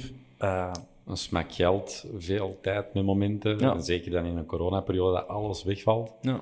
ja, en ook, ja, de pers had ook veel tijd. Hè, dus, ja. Ja, voilà. En dan ook, je krijgt veel geld, maar je beseft soms niet dat zijn... Dat heb ik ook pas toen leren beseffen, van je hebt gasten die echt van niks komen, echt van ja, armoede bij wijze van spreken in andere landen, die dan nu 20, 30, 40.000 per maand verdienen. Ja, wat doen die met dat geld? Ja, sommigen kopen elke maand een nieuw horloge, anderen geven alles uit dan in een auto. En die makelaars zijn er ook niet voor die financieel te steunen. Die zijn er alleen maar in, rond mei, april voor te zeggen van we gaan een transfer regelen. En dan is het tot volgend jaar. En dat, dat heeft ook wel mijn ogen geopend in de voetbalwereld. In de zin van makelaars zijn toch zeker niet wie dat ze altijd beweren te zijn. En dat is een hele een tricky en een vieze wereld. En daar, eh, vroeger was dat misschien zo een beetje een verre ambitie van mij, maar dat is, dat is nu wel heel ver van... eh, makelaarschap. ja? Ja. dat is nu wel heel ver van mijn ambities eigenlijk. Als je ziet hoe, hoe dat je daarmee rijk kunt worden of moet worden, dat is ja, bijna onmenselijk. Ja, het is heel moeilijk om het op de goede manier te doen. Hè? Ja, ik denk ook gewoon, je ziet dat vaak ook wordt gezegd over corruptie in het Afrikaans voetbal. Als jij niet corrupt bent, dan zoek je iemand anders die dat wel corrupt is, je. Want aan corrupte mensen verdienen nu eenmaal meer geld. Ja. En als je een groep van ja, tien mensen hebt waar er negen corrupt zijn, en jij zegt we gaan alles proper doen, dus zullen negen gaan minder verdienen, zeggen die voort en we pakken een, een ander die dat wel Ja, voilà. corrupt wil doen met ons. Ja, ik, en ik denk dat... Ja, nog verhalen van, van jonge gasten die eh, de ambitie hebben van dat makelaarschap na te streven en alle juiste diploma's hebben en, en goesting en ervaring dit en dat. Maar gewoon gedegoûteerd stoppen, omdat die weten van ja, ik probeer alles juist te doen, maar op het einde van de rit is er een of andere cowboy die gewoon zegt hey, drop uw huidige makelaar, Ja, we pak mij en wij gaan naar PSG en naar Barcelona. En die gasten zeggen, ja, ik, dat is goed. en dat je- om het goed te doen en realistisch en, en op een volwassen manier om te gaan met jonge voetballers en de voeten op de grond houden en zo, dat is... Dat zijn pooiers en, ook mensen financieel. smokkelaars. Ja, voilà. Ik, dat is echt, het is voor mij, het zijn pooiers, mensen smokkelaars en voetbalmakelaars. Dat is dezelfde. Ja. En dat is, dat is, dan scheer ik ook wel iedereen over de kam. ja, er zijn er maar er er bij heel veel goede bij. Ik heb er ook heel veel goede tegengekomen in Antwerpen. Maar er zijn er ook heel veel dat je... ah, ja, nou, als je een half uur hoort praten, dat je denkt van, je maat, schaam jij zelf niet. Mhm. Dus ja, dat is, dat is een beetje het jammer in de voetbalwereld. En dat is ja, iets heel moeilijk om eruit te krijgen, als je het er al kunt uitkrijgen, denk ik. Yes.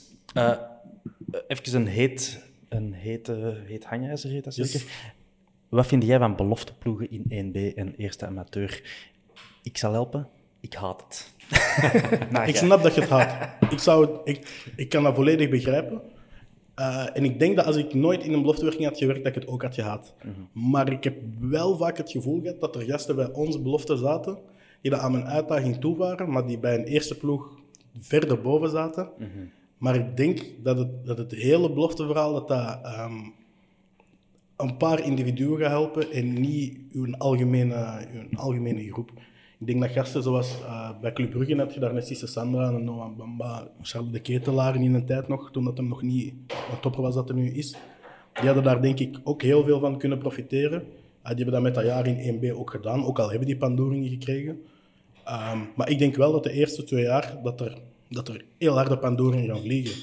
Ik denk, Anderlecht speelt nu al bekend met een belofteploeg in eerste klasse. Dus die hun, ja, die hun ploeg voor 1B, dat gaat praktisch een, een, een, een U16 of een U18 ploeg worden.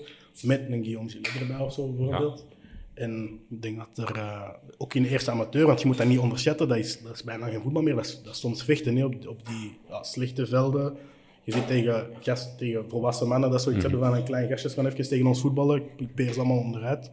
Dus ik denk dat je niet moet onderschatten dat die eerste twee jaar voor sommige spelers een hel kan worden. Ik denk dat er spelers gaan zijn die daardoor hun carrière gaan mislopen, die dat ze misschien anders wel hadden gehad. Maar ik denk ook dat andersom wel de waarheid is, dat er, dat er spelers zijn die dat, net dat extra jaar in een 1B, eigenlijk wat dat een uitleenbeurt had moeten zijn, die dat daar wel van gaan profiteren. Dus ik, ik, ben nog aan het afwachten van wat, wat geeft dat na twee jaar en, en misschien zelfs na drie, vier jaar, als we dan zoiets hebben van... Want in Nederland was, is, is eh, in veel landen gebeurt dat zelfs Al ook. langer, hè. Ja, in Spanje gebeurt dat ook en in Duitsland. Want in Nederland bijvoorbeeld, jong Ajax, die, dat is de reden dat Ajax zo goed draait. Omdat die gasten op hun 17 bij Ajax 1 komen, maar die hebben wel al twee jaar tegen volwassenen gespeeld. En als uw kwalitatieve jeugdopleidingen blijven groeien, zoals dat bij Antwerpen is aan het groeien, zoals dat bij Anderlecht is gegroeid, bij, bij Genk en Brugge staat, dan denk ik wel dat dat een voordeel kan zijn voor die gasten. Maar ja, de, overstap, de overschakelperiode gaat hel zijn volgens mij. Ik denk dat dat een heel moeilijke periode gaat worden. Is dat misschien ook geen resultaat omdat wij als land geografisch te klein zijn, te weinig professionaliteit? Want als je dan ziet bijvoorbeeld de voetbalcultuur in Engeland, wordt dat sneller gedaan. Hè? Een academy player gaat al sneller on loan Ja. dan een League One of een champion, Ja, en zijn ook- championship. ook moet zien, als je, ik, ik ben er een paar keer naar Engeland en naar andere landen geweest. De academies in, in, in Championship zijn veel beter dan wat ze bij ons soms zelfs al in de rechterkolom van de eerste klasse zijn. Om dan te zeggen van je wordt uitgeleend aan, aan ja, ik kan geen namen noemen, maar er zijn ploegen waar dat, ze dat worden uitgeleend, dan komt er ergens waar dat je een douche bij wijze van spreken geen warm water heeft op vrijdag. Dan is zoiets van, dan kun je beter bij je eigen ploeg blijven, waar dat een persoonlijk plan is, waar dat je physical, zoals bij de belofte van Antwerpen, waar dat je hele staf eigenlijk volledig op, op je ploeg is gebaseerd en op het ontwikkelen van je ploeg. Terwijl een ploeg in de rechterkolom of in 1B, die heeft misschien zoiets van, als je twee wedstrijden slecht hebt gespeeld, wij moeten wel promoveren of, of behoud verzekeren, ga even eruit, ervaren speler erin. Terwijl op die manier kun je wel ja, forceren, zeg maar, dat die jongeren hun minuten krijgen in, eh, tegen volwassenen in een, in een serieuze competitie. Maar zoals, ik, ik denk echt die overstapperiode gaat heel moeilijk worden. Ik denk de kwaliteit wordt denk ik vanuit eh, de, de ploegen in 1, in 1A die dan een belofteploeg hebben, dat wordt volgens mij nog onderschat hoe moeilijk dat 1B is. Mhm. En hoe vechtvoetbal dat eerste amateur is. Ja, je hebt dat gezien met Club Next toen, hè, dat, ene jaar. Ja, met eh. En dat was wel de club dat bovenin in de beloftecompetitie dit jaar stond. Ja, ja. Maar, en dat ook, die zijn wel eh, beter geworden Mhm. naarmate het seizoen vorderde. In het begin kreeg je die echt 6-0 hier, eh, 7-1 daar. Ja, en op het einde van het seizoen hebben die wel wat- punten soms, Voilà, hè. die hebben wel gelijk spelletjes verzameld. En één keer gewonnen, denk ik. Maar wat, mijn, mijn je, je haalt verdomd goede rationele argumenten boven, Gilles. Ik haat het. Sorry, sorry. Nee, Mijn punt is gewoon, voetbal cultureel hoort dat gewoon niet. Ik vind dat echt... Ik heb het al eh, vergeleken met zo, gewoon zo DC Comics en wat is een andere? Marvel. Marvel. Het zijn twee universa Ja. en je haalt dat door elkaar. Dat kan niet. Een club is één en ondeelbaar. Ja, dat- en dat heeft divisies en leeftijdscategorieën. Maar dat kan niet dat die ook in, plots in het mannenvoetbal-universum zijn. Dat Nee, klopt dat is- niet. En als een club, en eh, de topclubs, en wij horen daar dan gelukkig een beetje bij, eh, als je goede beloftewerking en jeugdwerking hebt en je hebt beloftevolle mannen, ja, je hebt keuzes. Hè. Je hebt veel keuzes als profclub. Je geeft ze de kans bij de A-kern. Dat is een heel goede, Ja, goede ja. optie. Hè. Je hebt er ballen voor nodig om dat Ja, te doen, ja. om een 16, 17-jarige speler eh, op te stellen. Maar dat is een valabele optie. Als je dat niet wilt doen, je kunt hem uitlenen. Je kunt hem bij de belofte laten spelen. Of je kunt hem gewoon laten gaan naar een club waar hij wel de kans krijgt. Dat zijn vier goede opties die er altijd, die al 130 jaar bestaan. En ik, allee, zo de, de vermenging van gewoon het feit dat één club twee afdelingen heeft die, die in hetzelfde universum zitten, dat kan er bij mij gewoon niet in. Cultureel is het heel bizar, inderdaad. Ik, ik, ja, ik, ja, ik haat dat echt. Dat is echt snap- ik snap dat volledig, Ik vind dat vreselijk. En het is ook niet... Want eh, de argumenten van, joh, oh, in Nederland is het ook... Ja, maar dat maakt allemaal niet uit. dat is echt... Ah, ik krijg de kriebels van. En puur ook als, als fan eh pakten wij nog in, in 1B hadden gezeten. Ja, je wilt niet tegen de belofte van Brugge gaan Nee. spelen. Dat is bol- Ai, ik snap dat, hè. ik snap dat volledig. Hè. Er, is geen Dat is een enkele, er is geen enkele supporter van, van Beerschot die dat zoiets heeft van yes, we spelen tegen de belofte van anderen. Ja. Niemand, hè? Natuurlijk niet. van, wij willen promoveren en gewoon tegen de eerste ploeg van een ander Ja. spelen. Dat, dat is, dat Hebben is we ons al zien staan zo op de bosuil tegen de belofte van Brugge. Boeren.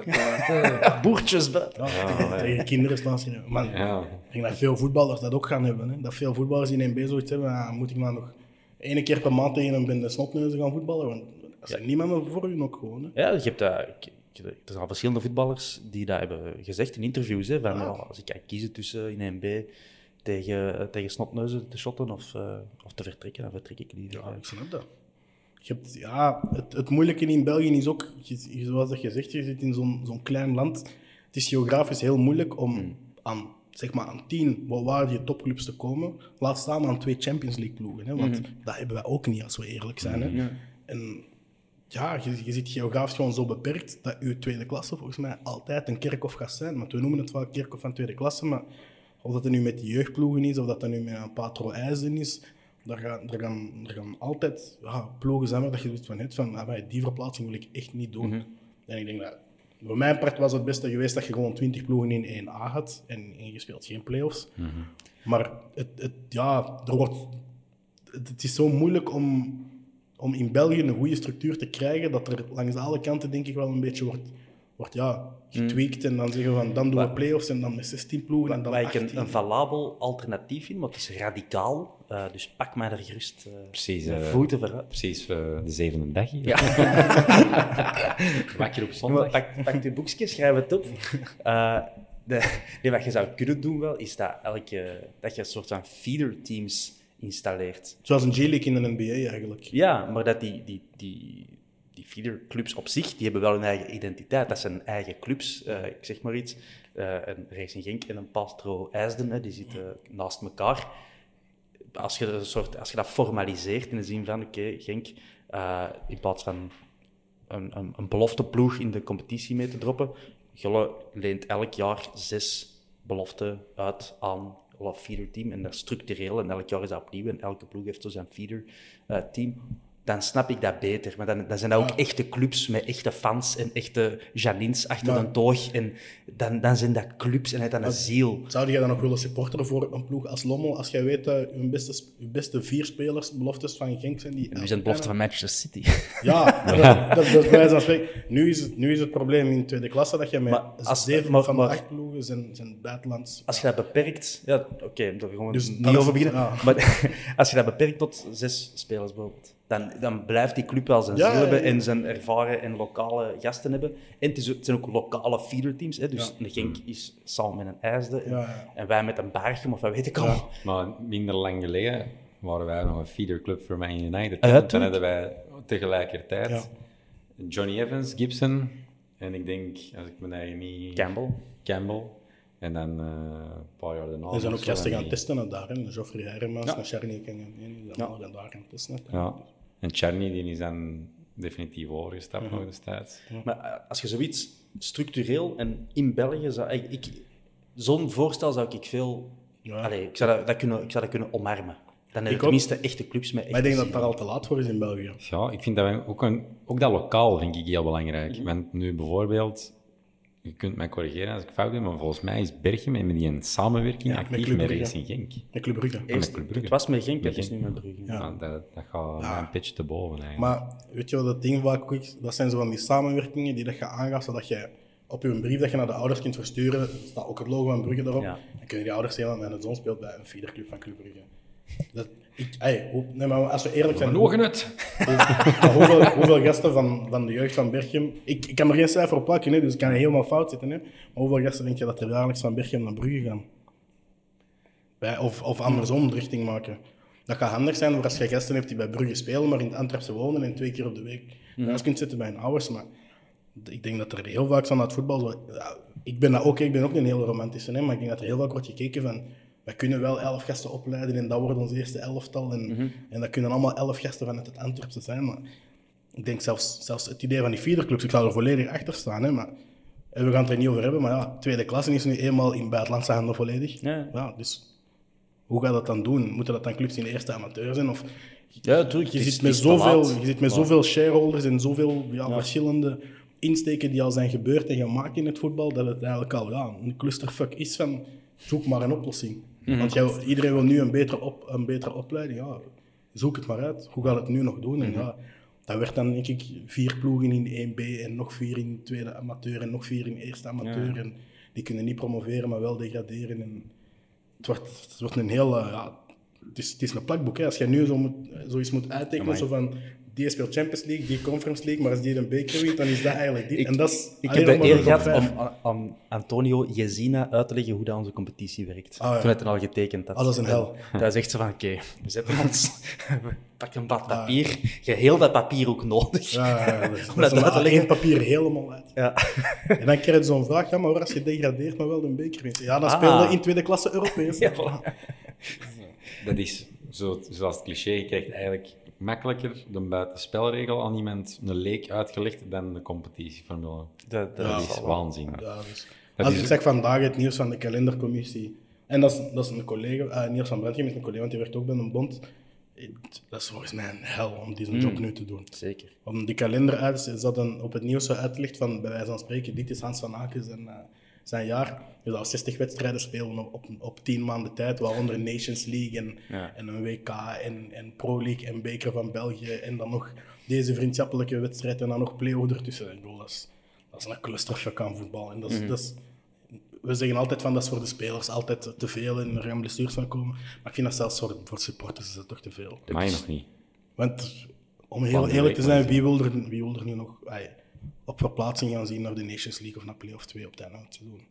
Je hebt ook niet zoiets van, weet je wat, het De seizoen... Het seizoen- gaat, hè. Ik weet, het eerste seizoen, eerste klas, mochten we play-off 2 open away. Dat is zo'n weer gelijk als vandaag. Ik heb weinig t-shirts gezien en veel, twee dagen congé gepakt. Hè. Schitterend, hè? Open away. eh.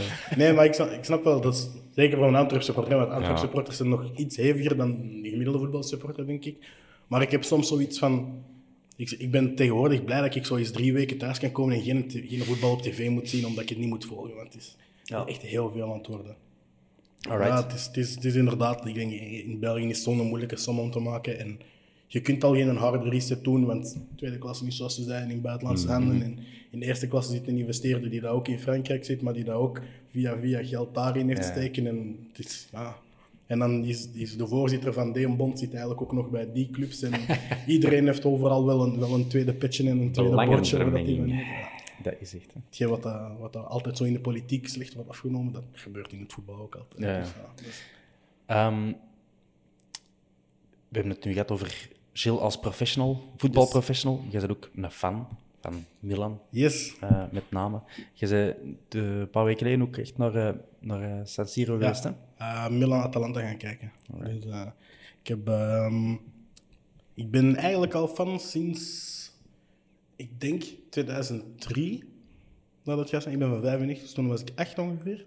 Omdat ik toen we de eerste keer Champions League op tv zag met mijn papa. En ik vond dat die mooie tenuutjes hadden, rood en zwart. En ik zei van, ja, weet je wat, dat is, dat is van mijn ploeg. En dat is zo altijd een beetje blijven sidderen en blijven volgen. Maar dan zo, naarmate dat ik ouder werd en dat iedereen zoiets had van, ah, je moet een ploeg hebben en je moet een ploeg hebben. Dan ik, zo, weet je wat, Milan, die hadden toen ook de Champions League gewonnen. En toen was dat echt de absolute top. Dan dacht ik, weet je wat, dat is mijn ploeg. Dan tien jaar miserie mee gehad. En dan uiteindelijk eh, toch dit jaar nog eens een titel mogen vieren. Dus eh, dan, dan ben ik, eh, omdat ik dan ja, wel het gevoel had van die titel zou wel binnen zijn, dacht ik van, ik ga voor die laatste thuismatch toch een, een ticket kopen. Toen waren ze al kampioen.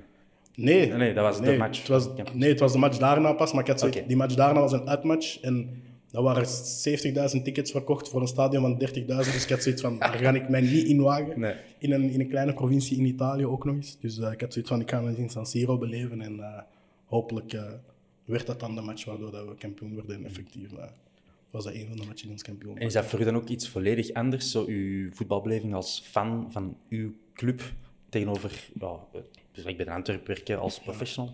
Ik moet zeggen, dat heeft, dat heeft wel een, speciale plek, omdat je...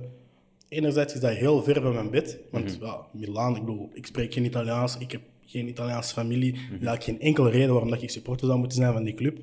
Maar dat is zoiets van, je kunt je daar echt mee bezig, dat is zoals een beetje een hobby, want ik zeg altijd zo van, je kunt van die hobby je beroep maken, maar dat is het niet echt in het voetbal, want Milan is mijn hobby en het is niet voetbal zelf. Ik wil, ik wil Ja. Milan goed zien doen. De rest van het voetbal maakt mij uit, ik wil Milan zien winnen. Dus ik heb wel zoiets van, ik kan op de Antwerp werken en dat is ook de reden dat ik geen ja, fangedrag zeg maar, vertoon tegenover spelers die dat uiteindelijk mijn collega's zijn. Dat ik zoiets heb van, ik ben fan van AC Milan en dat is, dat is heel ver van hier. En ik kan me daarmee bezighouden zonder dat ik met iemand op de werkvloer moet praten over wat ik van een match van dit weekend vond. Want ik, bleef dat het liefst van al gewoon eigenlijk helemaal alleen AC Milan. Dus ik bedoel, ik kijk de wedstrijd ook altijd thuis als ik alleen ben. Ehm, ik heb nog maar één, één andere vriend die dat ook Milan volgt. Dus na de match sturen wij dus van, oh, die was slecht en dit en dat. Hetgeen wat we dus ja. op de podcast Zonder niet- nuance, Ja, voilà, zonder zonder nuance. nuance. Gewoon, die was echt slecht.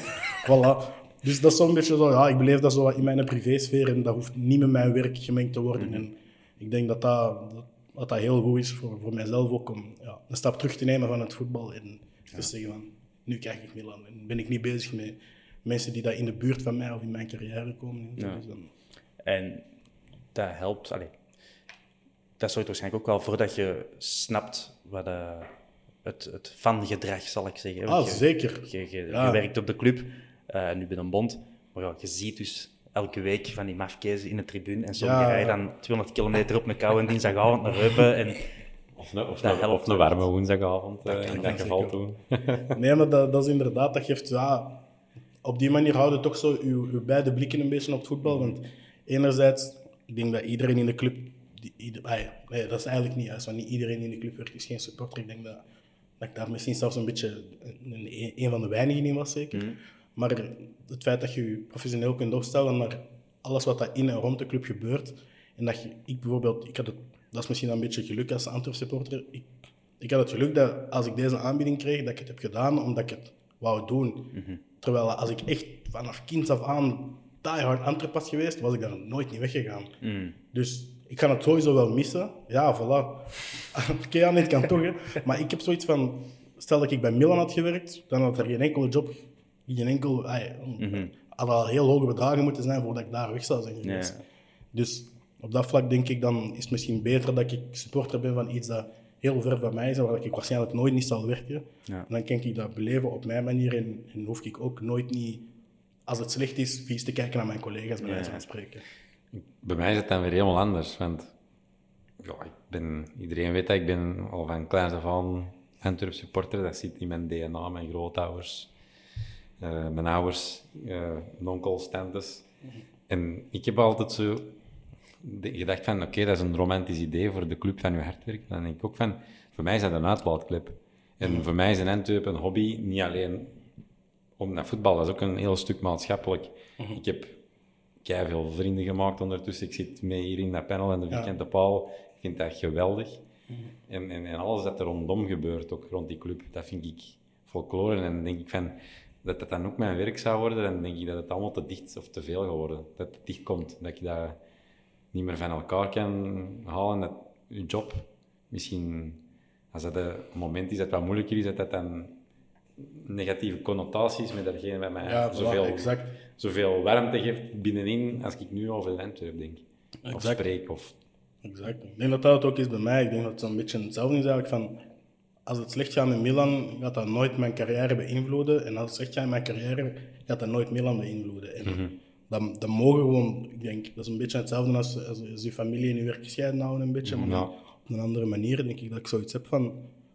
Of het nu goed of slecht gaat binnen huis, dat is altijd binnen huis. En moest mijn mama en mijn papa nu bijvoorbeeld mijn collega's zijn, dan, dan gaat je dat soms wel meenemen naar je werk. En als je ja, supporter bent van de club, waar, als je heel hard supporter bent van de club waar dat je werkt, dan gaat je misschien zowel positieve als negatieve dingen laten overlappen op manieren dat het eigenlijk beter voor jezelf zou zijn om niet te doen.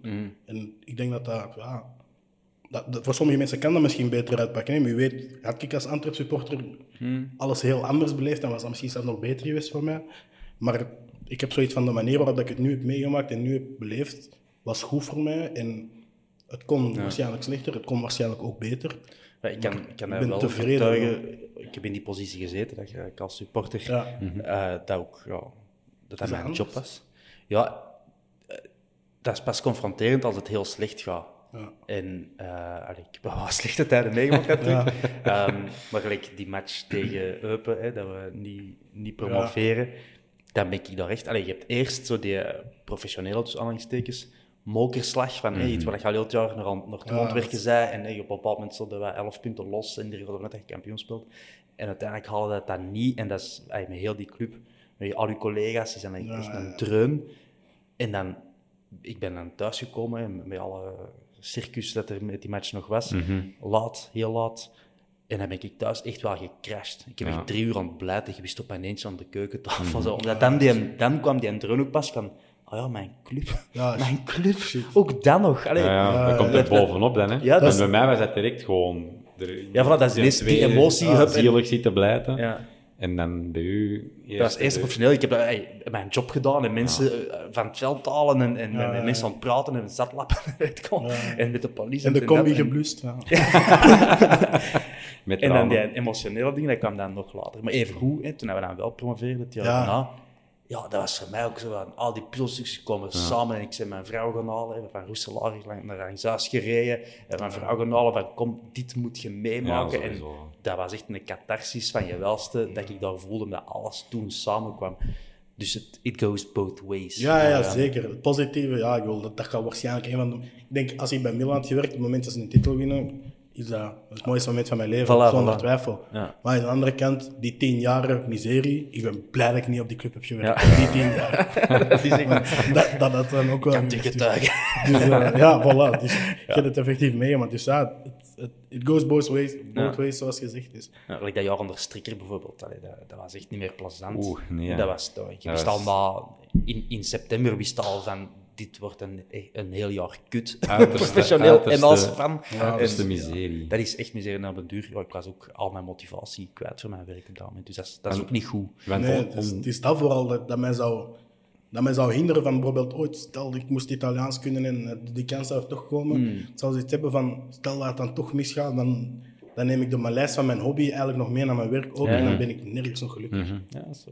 Dus, en dan, ja, Ja, Toen ik gestopt ben, heb ik, ja, had ik dat ook. Dat was ook niet een enorme ja, een dubbel gevoel van binnen. Want ja, het is die club van je hart en je wilt, niet, je wilt er niet weg per se. Maar ja, allee, als de micro afstaat, dan zou het wel ingaan. Maar, maar het, het, het ging niet meer, dus ja, je moest daar zo'n moeilijke beslissing maken. En ik ben er echt wel lang echt slecht van geweest. En zo naar die match gegaan, dat was dan echt ook wel met een dubbel gevoel van... Ergens wilde wordt terug in die, fam, in die warme alsof je bij je ex binnen in huis wandelt, een beetje dan. Of Nou, wat? alsof je bij je ex binnen in huis wandelt. Of... Eh, allee, bij mij was dat... Ik heb chance, denk dat toen dat ik gestopt ben, zijn... mijn vrouw heeft mij toen direct dat weekend meegepakt weg van Antwerpen. Ja, We zijn naar dat Amsterdam best- ja, geweest, dat is best, hè. eh, zodat ik niet naar de match kon gaan of zo. Ehm, dus dat was heel slim van mijn vrouw. En dan daarna, ik denk dat daarna twee weken of zo geen thuismatch was. Dus het was echt een maand later of zo dat ik, eh, dat ik terug kon. En dan gelukkig direct bij mijn broers op de twee terug kunnen gaan zitten, wat ja, tien jaar geleden was of zo, dat ik daar een match had gevolgd. En dat was dat, dan klopte dat wel beter. Eh, en dan heb ik dat wel stap voor stap kunnen eh, Maar dat is toch, afsluiten. dat is toch magie dan, denk ik. Want ik heb een kameraad die nu nog altijd bij de club werkt, hè, Tom Aerts, die in de Ah, commerciële cel ja, zit. Full disclosure. En, en eh, ja, die eh, gaat op verplaatsing daar nog wel mee. En dan zie je die toch ook wel echt op een andere manier genieten. Ja, ja, ja. Die druk van die matchdag is er een stuk af. En ja, zeker bij hem. Ja. ja, ja. Ja, ik, had, ik had nu nog ik heb veel minder op matchdag zelf bij mijn Antwerp gewerkt, enkel die eerste twee jaar. Maar ik merkte toch, als ik zo eens een match kwam zien, gaf dat een, beetje een raar gevoel. Want ik had zoiets van, eigenlijk, ik kijk naar elf gasten op een veld, waar ik mee aan het ontbijttafel zit. dus dat, dat, is, dat is iets kei bizar om te zien. Maar je had toch zoiets van, je zit even zo op een Antwerp zonder dat je iets moet tonen wat er iets van je wordt verwacht. Ja, ja. Je kunt er even van genieten wat dat, wat dat ja. Op die momenten denk ik zelfs dat ik nog meer fan was dan wanneer dat je eigenlijk een hele week zit aan het werken naar een, een wedstrijd toe. Want dan heb je wel zo, zelfs als materiaalman en als, en, en als ja, omkadering, als je dan een match verliest, heb je ook zoiets van... Ik had dat bijvoorbeeld na die laatste match op de 2 mei van... Gast, je, je hebt drie jaar bij die belofte gewerkt en dit was ons hoogtepunt. Hier hadden we eindelijk kunnen vieren en dat is zo in mineur geëindigd. En ik zeg het, dat is nog altijd eh, een beetje een scheur in mijn hart dat we, die wedstrijd hebben verloren. En ik ga er nooit niemand van die gasten kwalijk nemen, nee, want die hebben drie jaar allemaal hun uiterste best gedaan en zo. Maar dat, is, ja, dat, dat, dat geeft zo'n een, een, een onvolledig gevoel van binnen, dat je zoiets hebt van... Doe dat. Er had iets veel mooier aan kunnen hangen. Nou, Ik denk dat dat, ik denk dat, dat een, een lot is dat heel veel mensen die werken bij hun favoriete club, Ja. of bij een club die dat, die in hun hart zit, dat, dat gaan hebben. Dus ja, dat is, je je neemt de positieve dingen en de negatieve dingen uit. mhm. Het is iets speciaals. En je kunt dat niet uitleggen. Hè? Dat is, als je dat Nee. niet hebt meegemaakt, dat is, Nee. dat is, heel, dat is anders dan, dan elk ander gevoel. hè. Dat is bizar. Nog professioneel, uw tweede carrière, Koelkast Sport. Yes. Hoe is dat begonnen, Jan? Eh, hoe is dat begonnen? Eigenlijk ehm, voor COVID, ook de week voor COVID, dat was denk ik de 7e maart in 2020, eh had de Alex, eh, dat is eigenlijk een beetje meer de bezieler van het project Koelkast en Koelkast Sport, die had, eh, die had mij gevraagd dat ik mee wil doen met een testepisode. En eh, ik wacht nog altijd totdat die ooit eens gaat uitkomen, want we hebben, daar, we hebben daar eigenlijk een uur zitten speculeren over wat gaat dat virus nu eigenlijk brengen als dat hier aankomt. en ik, ik weet niet meer wat ik heb gezegd, dus ik ben heel benieuwd om te horen wat dat, hoe fout dat mijn voorspelling ging zijn. Maar ehm, toen hebben we dat gedaan en toen gebeurde COVID en hij heeft daar zelf ook enorm ziek van geweest, dus het heeft eigenlijk heel lang stilgelegen.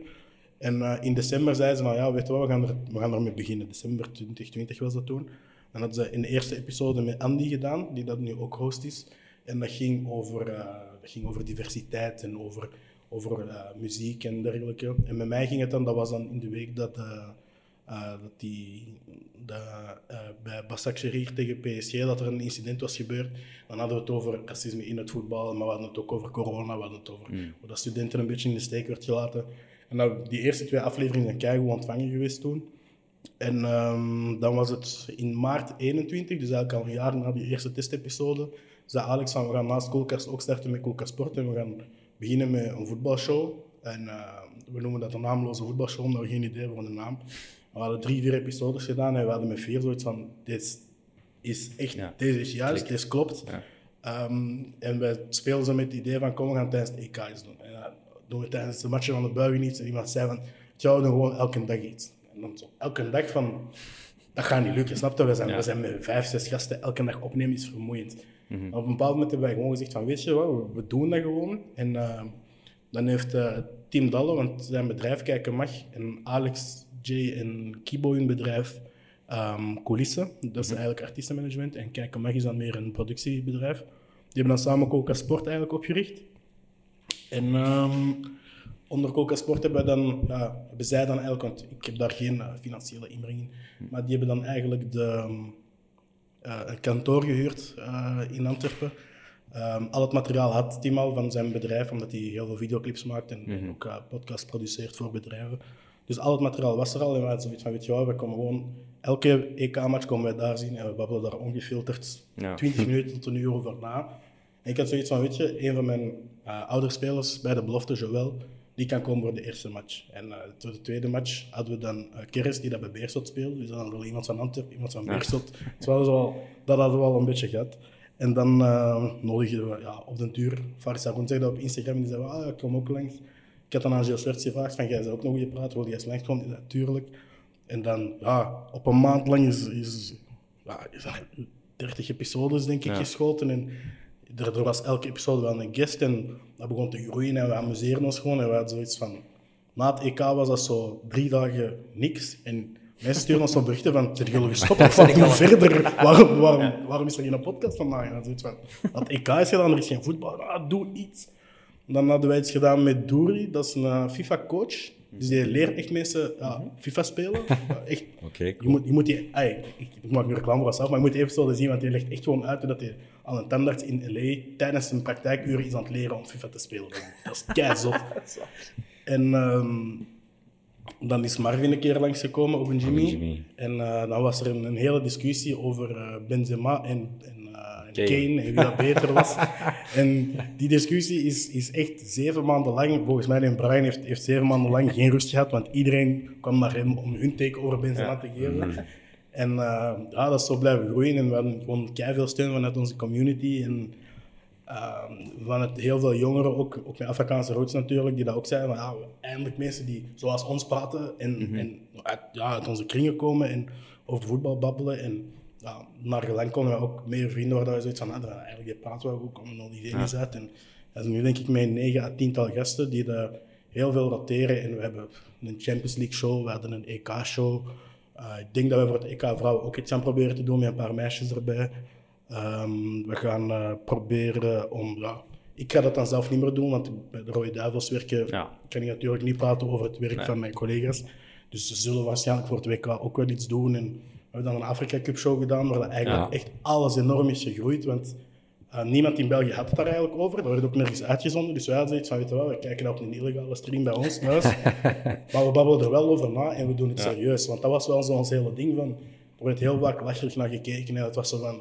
De Afrikaners doen niet voetbal, maar we hadden zoiets van, weet je wel, we gaan er echt het beste van maken. En we trekken lotjes en iedereen krijgt een topploeg. Je wel pech had dat, uh, dat er zoveel kutmatchen... Uh, allee, die 0-0's ja. in de eerste, die ronde. eerste ronde. Die was verschrikkelijk. Ja. En we hadden echt zoiets van, jongens, waar zijn we mee bezig? Weer een 0-0. Maar uiteindelijk, we moeten zeggen, we hebben ons... Uh, na die eerste week vooral, had, ja, ik denk het hele Belgische medialandschap, ik denk, wij hebben zoveel aandacht. Dat was echt vermoeiend. Ik ja. moet zeggen, op een bepaald moment, en ik ben aan het stoeven, hè, maar op een bepaald moment, op een bepaald moment staat ATV bij ons te filmen en we wachten op de radio. Iemand is met de radio aan het bellen in de gang en de VRT belt mij om te zeggen, ja, we hebben een busje gestuurd, we zijn er binnen een half uur. Dus maar je kunt hier niet parkeren, ze maat. Ja, voilà, ja, en wij, hadden echt zoiets van, oké, okay, jij belt vandaag naar de radio, jij doet met die krant, jij met die en die, ja. omdat iedereen in België had zoiets van, ja, we moeten wel vermelden dat er een Afrika Cup aan de gang is, want en Tissou Dali zit daar, en, en bijvoorbeeld Koulibaly, Mané, Maris, Salah, zeker ieder, iedereen. Ay, er zitten keihard spelers gewoon die daar mm -hmm. weg zijn en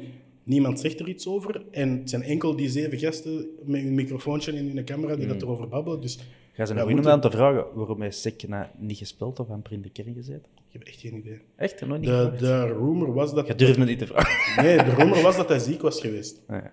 Maar het, ik, kan me niet bevestigen of ontkennen. Echt... Uh, ik heb, ik heb dat hem ook niet gevraagd, want natuurlijk, als je de Afrika Cup wint, wilde niet horen waarom die niet meegedaan. Nee, nee, dat is waar. Maar ik dacht, misschien... Ja. Ik, jammer genoeg. Als ik het had geweten, dan uh, had ik het zeker gezegd, maar... Uh... Maar jullie waren de, Euro, de Eurosport eigenlijk, hè? Uh, vroeger zag ik Afrika Cup op ja, Eurosport. Ja, wij ook. En ik vond dat... Ja, ik zeg, als jonge gast... Je zei, je andere, nu de meer verplichtingen en dergelijke. Mm. En ik zeg, ja, graag voetbal. Dus Tuurlijk. Afrika Cup, maar dat is nu allemaal weg op Eurosport. Ja, was niet Dus ik heb het... Uh, ik zei eigenlijk, ja, als ja, niet bekende, Coolcast, ik begin regelmatiger volgen met die Afrika Cup show. Ja, ik denk dat er, dat er veel mensen zijn geweest die dat, die dat zelfs misschien niet per se iets met Afrikaans voetbal hadden, maar dat wel zoiets hadden van, die gasten babbelen over iets waar niemand anders over babbelt. Mhm. Dus als ze het willen horen, moet het eigenlijk wel bij hun. En daarop hebben wij gewoon een, een, een heel grote ja, leap meegenomen, zeg maar, in dat het zes maanden werk gekost om al dat publiek bijeen te vergaderen. Want op het einde voor de finale hebben wij een live event georganiseerd in Trix. En Ja.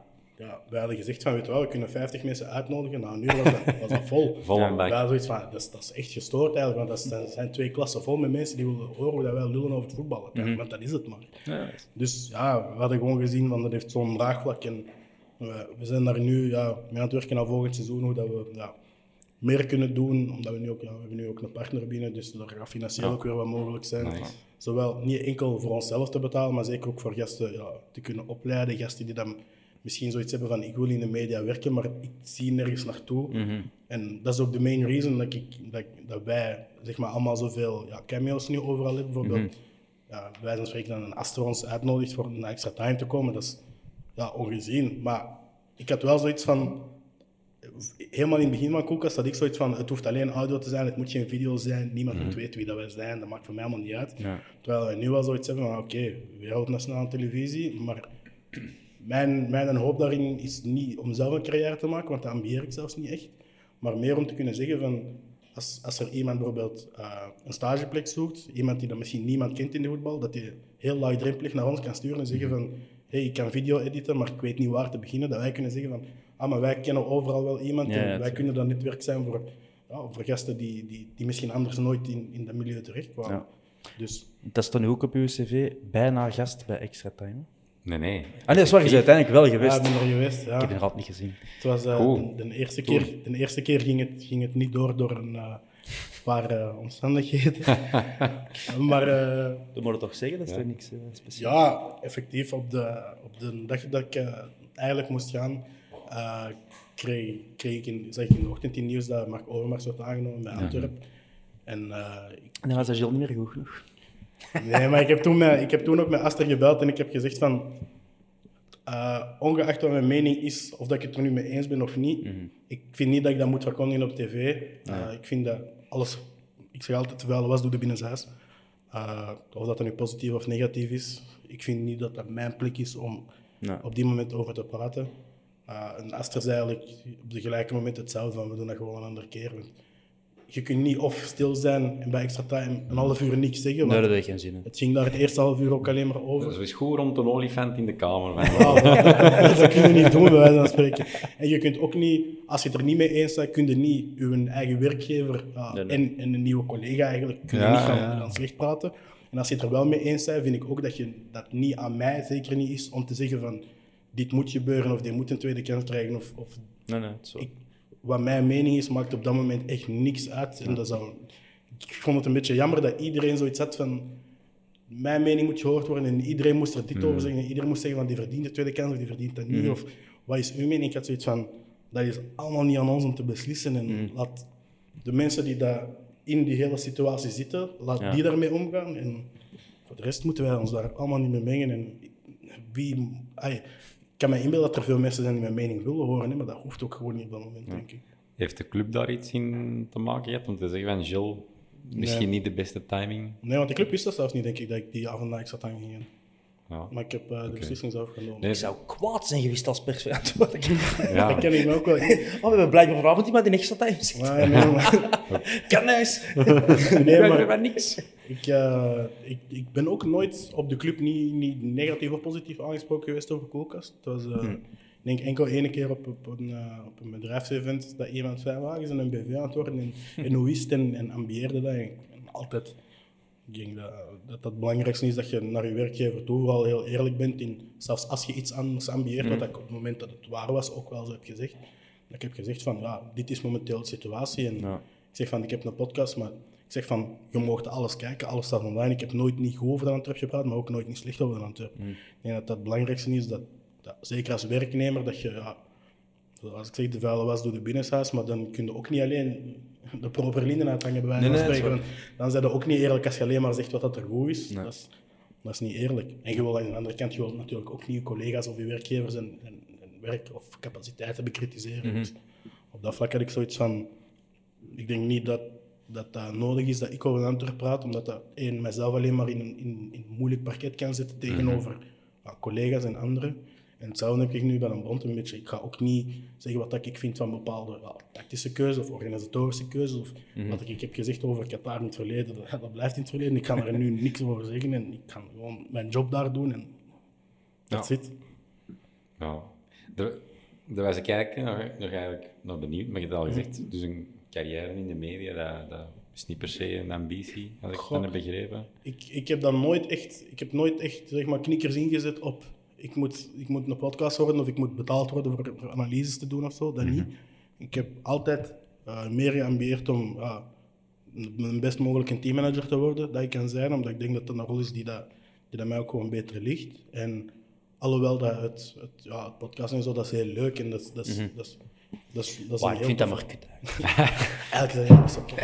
Maar, Nee, maar dat, is, dat is een hobby dat, dat, dat, dat, Ja. ja. uitgroeit tot, tot bijna een, een halftijdse job eigenlijk al. Ja. Maar ik heb nog niet de ambitie om te zeggen van ik geef de carrière in het voetbal Mhm. op voor de carrière in het sportmedialandschap. En op het moment dat er misschien ooit een aanbieding is, zal ik dat wel moeten overwegen. Maar er is ook nog, er is ook nog nergens niemand die heeft gezegd van wij gaan nu een voltijd salaris betalen om te praten over voetbal. want, want het is met Coolcast eigenlijk echt uit de startblokken geschoten. En je zet dan, Ja, ik weet nog, ineens in eh HLN Sportcast dat je erin zet. Ja. En dan de gast geweest ondertussen ook bij Café Eerste Klas, eh, samen met Janko Beekman, nog zo iemand die in dat podcastlandschap is eh, gelanceerd tot en met. Maar eigenlijk is uw mediacarrière al vroeger begonnen. Ja, ja, ja, ik hoorde het in de intro. Wat een overgang. Wat een overgang. Dat is echt een perfecte... Ja. Ik, eh, Ik heb er een lach niet naar, maar ik dacht, maar ik kan het hier een opbouwen. Ja, ik, ben, eh, ik heb ooit Bico gespeeld, ja. In, een, eh, in de film die geregisseerd was door... Help mij even. Luc Wijns. Luc Wijns. Eh, die kwam... Hey, de Bob de Jong natuurlijk. Ik Bob, ja, ja, Bob, dat- Bob de Jong, onze collega. De Bob hier eh, schromelijk de manier hoe, de manier hoe was echt hilarisch. Ik kwam eigenlijk gewoon binnen op de bureau en. Eigenlijk, ja, dat was groot, hè? Ik zeg, ik zeg ja, stel eens recht. Ik stond terug. Ja, ja, is perfect. Dus die pakt, die pakt me. Maar ik wist op dit moment, ik, ik ga heel eerlijk zijn, ik ben niet zo into het Belgisch medialandschap. Ik wist niet wie dat Luc Wijns was op dit moment. Ik wist wel dat ik die is op tv of is ergens had, had vermeld of, of genoemd of gezien geweest. Maar ik kon niet zeggen wat hij op dit moment was aan het doen. Ik zei, weet je wat, ik heb twee kaders voor u, kom niet even mee. Ja, ik, ik kom mee. Echt in de kelders van een bosdel is het gewoon al een beetje raar. Ik dacht van, eh, wat zijn we hier nu aan het zei, Ja, we zijn een film aan het schieten, maar we hebben nog iemand nodig voor Bico te spelen. Ik dacht, oké. Kelders van een boshaal in die tijd zou ik er ook al schrik van Ja, krijgen. voilà. Dus Dus, dat is een kleedkamer aan de eerste proeven. ja, het leek wel op een kelder op dit moment. Ja, dat is zo. En eh, dus effectief, ik moest ja, zo'n kader vasthouden en dan ja, die kader weggooien en een klets geven. En dat moest dan zo gezegd zijn toen dat hij... eh, het verhaal was, ik ben er niet bij geweest, maar hij zou uh, Limbombe, spelers, ja, Limbombe. spelers hebben gezegd van... eh, dit zijn uw voorbeelden, Michael Jackson en Maria Theresa, denk ik. pauze en zo, En de pauze, ja. dat zijn uw voorbeelden. En eh er zou blijkbaar ook een, een hebben uitgedeeld aan Limbombe. Wat, wat, ik, ik weet heb ik gehoord, hè. Ik ja, ook ik niet. weet ook niet of dat, dat waar is of niet. Maar effectief, ik moest dus eh, eh, voor zo'n klein deurtje staan aan het einde van de gang, zodat ik nog veel groter leek. En ik moest dan ja, een bord houden, maar ze hebben mijn gezicht er niet in getoond. Maar het was dus enkel met een torso en de, de handveeg die dat ik aan Limbombe zo gezegd heb gegeven. Fantastisch. Voilà, dus eh, je staat in de credits volgens mij. Ja, voilà. Dus, eh, No one of the Limbombe brothers got hurt during this scene. nee, voilà. Just voilà. een disclaimer. Van alle vier de broeders. Ja. Ehm, we hebben ook vragen binnengekregen. Top, Best veel. horen. Ja, gaan we eens kijken. Een aantal dingen hebben we al behandeld. Dus ik probeer even snel te lezen. Onder andere de vraag van Bico was eh. Ja, die zat er ook tussen. Welke speler van vorig seizoen gaat ontploffen dit jaar, naar uw mening? Antwerp-speler, uiteraard. Ehm, Het is een vraag van 22, Benson 22. Ik geef u wat tijd om na te denken. eh, ik, ik hoop Balikwisha. Ik ehm, ben die vorig jaar ook gaan... eh, ik, ben die vorig jaar gaan halen na een, na een enorm zware, lange avond. En eh, hij zag het aan mij toen dat hij in de auto stapte. Hij zei van, ze de moe? Ik zei, ja, ja, maar ik, het, gaat, het gaat allemaal in orde komen. En dan in Gent zijn medische testen gegaan. Dan eh, in eh noorden van Antwerpen nog eens een andere medische test. En eh, ik vraag altijd aan de spelers als die aankomen van, heb je dan een nummer in gedachten dat je wilt dragen, zodat ik aan Nico al kan doorgeven van, voor zijn presentatie bedrukt even een t-shirtje met, met die nummer. Zeg je welke nummer wil hij? Zo professioneel tegenwoordig. Ah, Ja, ja, wat dat er allemaal aan wordt gedacht. Dus hij zegt de nummer 10. Ik zeg van ja, eigenlijk de nummers 1 tot 11. Sven zegt altijd van post dat even met mij dat we niet aan zomaar eender wie iets geven. Maar Malikus had dan blijkbaar ook aan een prijs van 5 miljoen. Speelt bij de belofte van de Rode Duivels, dus dat is al wel iemand in het Belgisch voetbal. Mhm. Ze zeiden dan, weet je wat, oké, we geven die nummer 10. En ik weet dat een van de eerste dagen vroegen ze aan hem ook effectief van, ja, je hebt deze prijskaartje, je pakt je nummer 10. Antwerp is, is geen ploeg waar dat je zes slechte wedstrijden op rij kunt Mhm. spelen zonder het te horen. En hij zei van, nee, nee, maar ik heb zelfvertrouwen. Dus, dus dat, komt, en dat, was een, dat is een hele coole jongen en die is heel rustig. En die, die heeft een bepaalde zelfvertrouwen, maar ook een bepaalde de elegantie in, Mhm. in dat zelfvertrouwen. Een beetje dat Benson vind ik ook heeft. En eh, ik vond toch dat die met periodes, als die allebei aan het voetballen waren, dat die, Mhm. ja, het betere voetbal van dit jaar hebben gebracht. Mhm. Dus ik hoop, eh, als die titelambities waar zijn en als hij natuurlijk zijn plek in de selectie kan behouden, hoop ik voor Balikwisha dat hij eh, een topseizoen heeft. Mag ik er daar nog een vraag na, na stellen? Een beetje. Wacht, misschien is er nog iemand. Wacht, hè. is er nog iemand? voilà. Ah, Misschien komt het wel van de boven. Ehm, of er nog iemand is die dat ik denk... ah, Didier. ja, hopelijk. Denk je, dat dat nog, denk je dat dat nog realistisch Ik is? weet dat Denk niet. dat Ik denk van niet. Ik, ik vrees dat Ik denk dat de dat... bruggen echt wel allemaal er verbrand zijn. de kleedkamer het niet as is weggeveegd. Natuurlijk, dat is wel al een heel andere kleedkamer, toen dat hem Ja, twee jaar ja, geleden klopt. uiteindelijk al vertrok. Want Bijna meer met de belofte gespeeld dan, dan Ja. met de eerste ploeg. en zo. Maar ja, of dat het nu bij Antwerp is of niet, ik, ik gun die jongen echt wel al het beste. En dat is een beetje eh, cliché om te zeggen, maar ik gun dat van bijna al die ex-spelers. Ik heb dat- toen dan een Joffrey wegging, had ik ook zoiets van, ik hoop echt dat je bij Mechelen alles kapot maakt. En als een Korijn weggaat, als... eh, moest binnenkort ja, blijken dat, dat Faris of zo vertrekt, of dat een van die beloftespelers toch ergens anders tekent.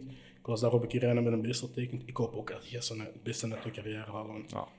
Ik heb met al die gasten gewerkt en dat zijn uiteindelijk allemaal mensen en toffe mensen ook, ook geweest. Dus, eh, maar ik denk, ik, qua voetballend hoop ik. Ja. En met de belofte. Ik heb zelf, sinds dat ik hem heb zien, zien debuteren voor de Antwerp, een, eh, altijd een zwak gehad voor Bruni en Simba. Ja, En wel, ik ook. Dat is dan dit jaar nog eens mogen komen opflakkeren op Serij. Ja. En ik had direct zoiets van, ah, die versnelling van het stilstand, er zit iets in. Je ziet, ik zie er iets in, maar waarom blijft dat dan haken? Is dat iets, denkt jij dat je nog zijn weg gaat vinden? Of wil dat niet zeggen, want het is ex-collega. Ehm, Ja, en ook misschien Ja, komt- eigenlijk al een hele goede vriend. Eigenlijk ook, Ook al, de laatste jaren. Omdat ja, uiteindelijk, ik denk eh Bruni, eh Jafet Manza en Laura Krasniki zijn de enige dat ik de drie volledige jaren heb gehad. ja. Eh, als ik me niet vergis. Als ik iemand ben vergeten, dan... eh, en, ja, buiten de staf natuurlijk. Van de spelers zijn dat de drie enige die dat ik de drie volledige jaren heb gehad. Ik zag dat Laurit onlangs ook zijn debuut had gemaakt in de laatste match tegen Union. Ja. Ehm Jafet is dan einde contract gestort en we zien wat dat hij doet. Maar ja, dat zijn de drie gasten dat ik het langst in heb gevolgd. En natuurlijk hoopt van iedereen altijd dat die hun debuut maken, maar Bruni heeft... Maar wat denkt je? Wat, wat, wat is je gevoel? Ah, wel, hè, ik, ik heb altijd het gevoel gehad dat hij een fantastische voetballer kan worden en dat hij 1A zelfs kan overstijgen, echt waar. Qua, qua capaciteiten, qua deze plafond haal.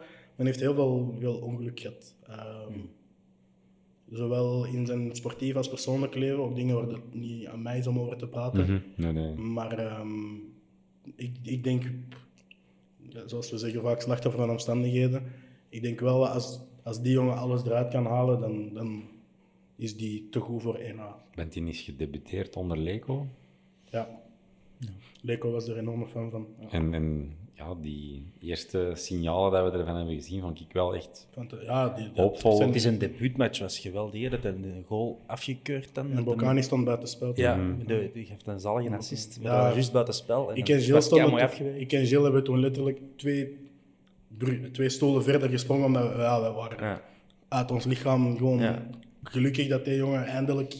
Ja, je hebt daar uiteindelijk op dat moment er anderhalf jaar mee gewerkt. Mhm. En je wil natuurlijk iedereen een debuut zien maken, maar dat was wel onze jongen waar dat wij zoiets aan hadden van... dat zijn momenten van voldoening, want je hebt daar wel Ja, een steentje aan bijgedragen. En... Als die goal valt, is dat het mooiste moment van mijn professionele carrière. Dat is Mhm. sowieso. Maar ja, je, je zit met heel veel jongen, en dat is, dat is niet alleen Bruni, hè. er zijn er anderen die dat, het, die dat het hebben gehad, er zijn er anderen die dat nog gaan krijgen, die daar ja, gewoon moeilijkheden hebben in, in zowel persoonlijk als sportief leven. En, en daardoor net niet het beste eruit zijn kunnen halen.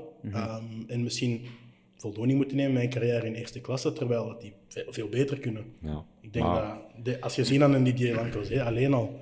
Ja. Ik weet dat die, die was een week op de club en Farjaroen zei tegen mij, want die speelt binnen een paar jaar in de top in Engeland of in Spanje. En effectief, die capaciteit had hij jongen ook gewoon. Die, was, die kon op zijn eentje een match doen winnen. Hè. Dat, dat hebben we allemaal Dat heeft hem bewezen, hè. Dat Ja. ja. ons ook, hè. Allee, kat en kat noemen. hè. Ja, voilà. Maar ja, wat er allemaal is gebeurd, is er nu helemaal gebeurd. En dat is, dat is, dat is jammer om te zien. Dat, dat, dat breekt je hart een beetje, want je hebt zoiets van... Allee, je zegt, je zegt zo goed, je hebt zo'n God gegeven geschenk. En alles, de dingen rondom je kunnen zo hard mislopen. En thuissituaties en, en, en makelaars kunnen zo misbruik van je maken tot op het punt dat jij... Ja, dat jij gewoon niet meer aan... Dat jij gewoon hetgeen wat jij het beste kunt doen, niet eens meer Ja, wilt. moogt of wilt of Ja. kunt doen. En ja, is daarom. Maar ik denk wel dat, dat Bruni hopelijk, ja.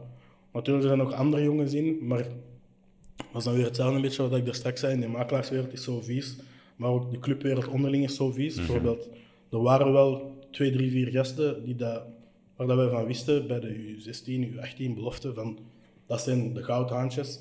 Maar daar, en daar wordt in, ja, in eh, eh, meetings wordt over gesproken met de trainers en met de sportieve staf.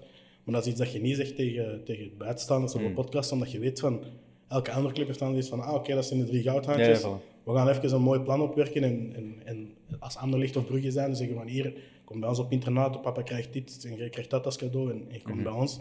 Want dat is nu helemaal de realiteit van de voetbalwereld. Dat is wat Steven Smit ook eh, ik zei, zoals ik er straks zei. Van, nou, vroeger gingen de beste altijd naar andere clubs. En andere clubs hebben nu, ja, Brugge heeft nu ook schrik van een Antwerp dat eraan zit te komen.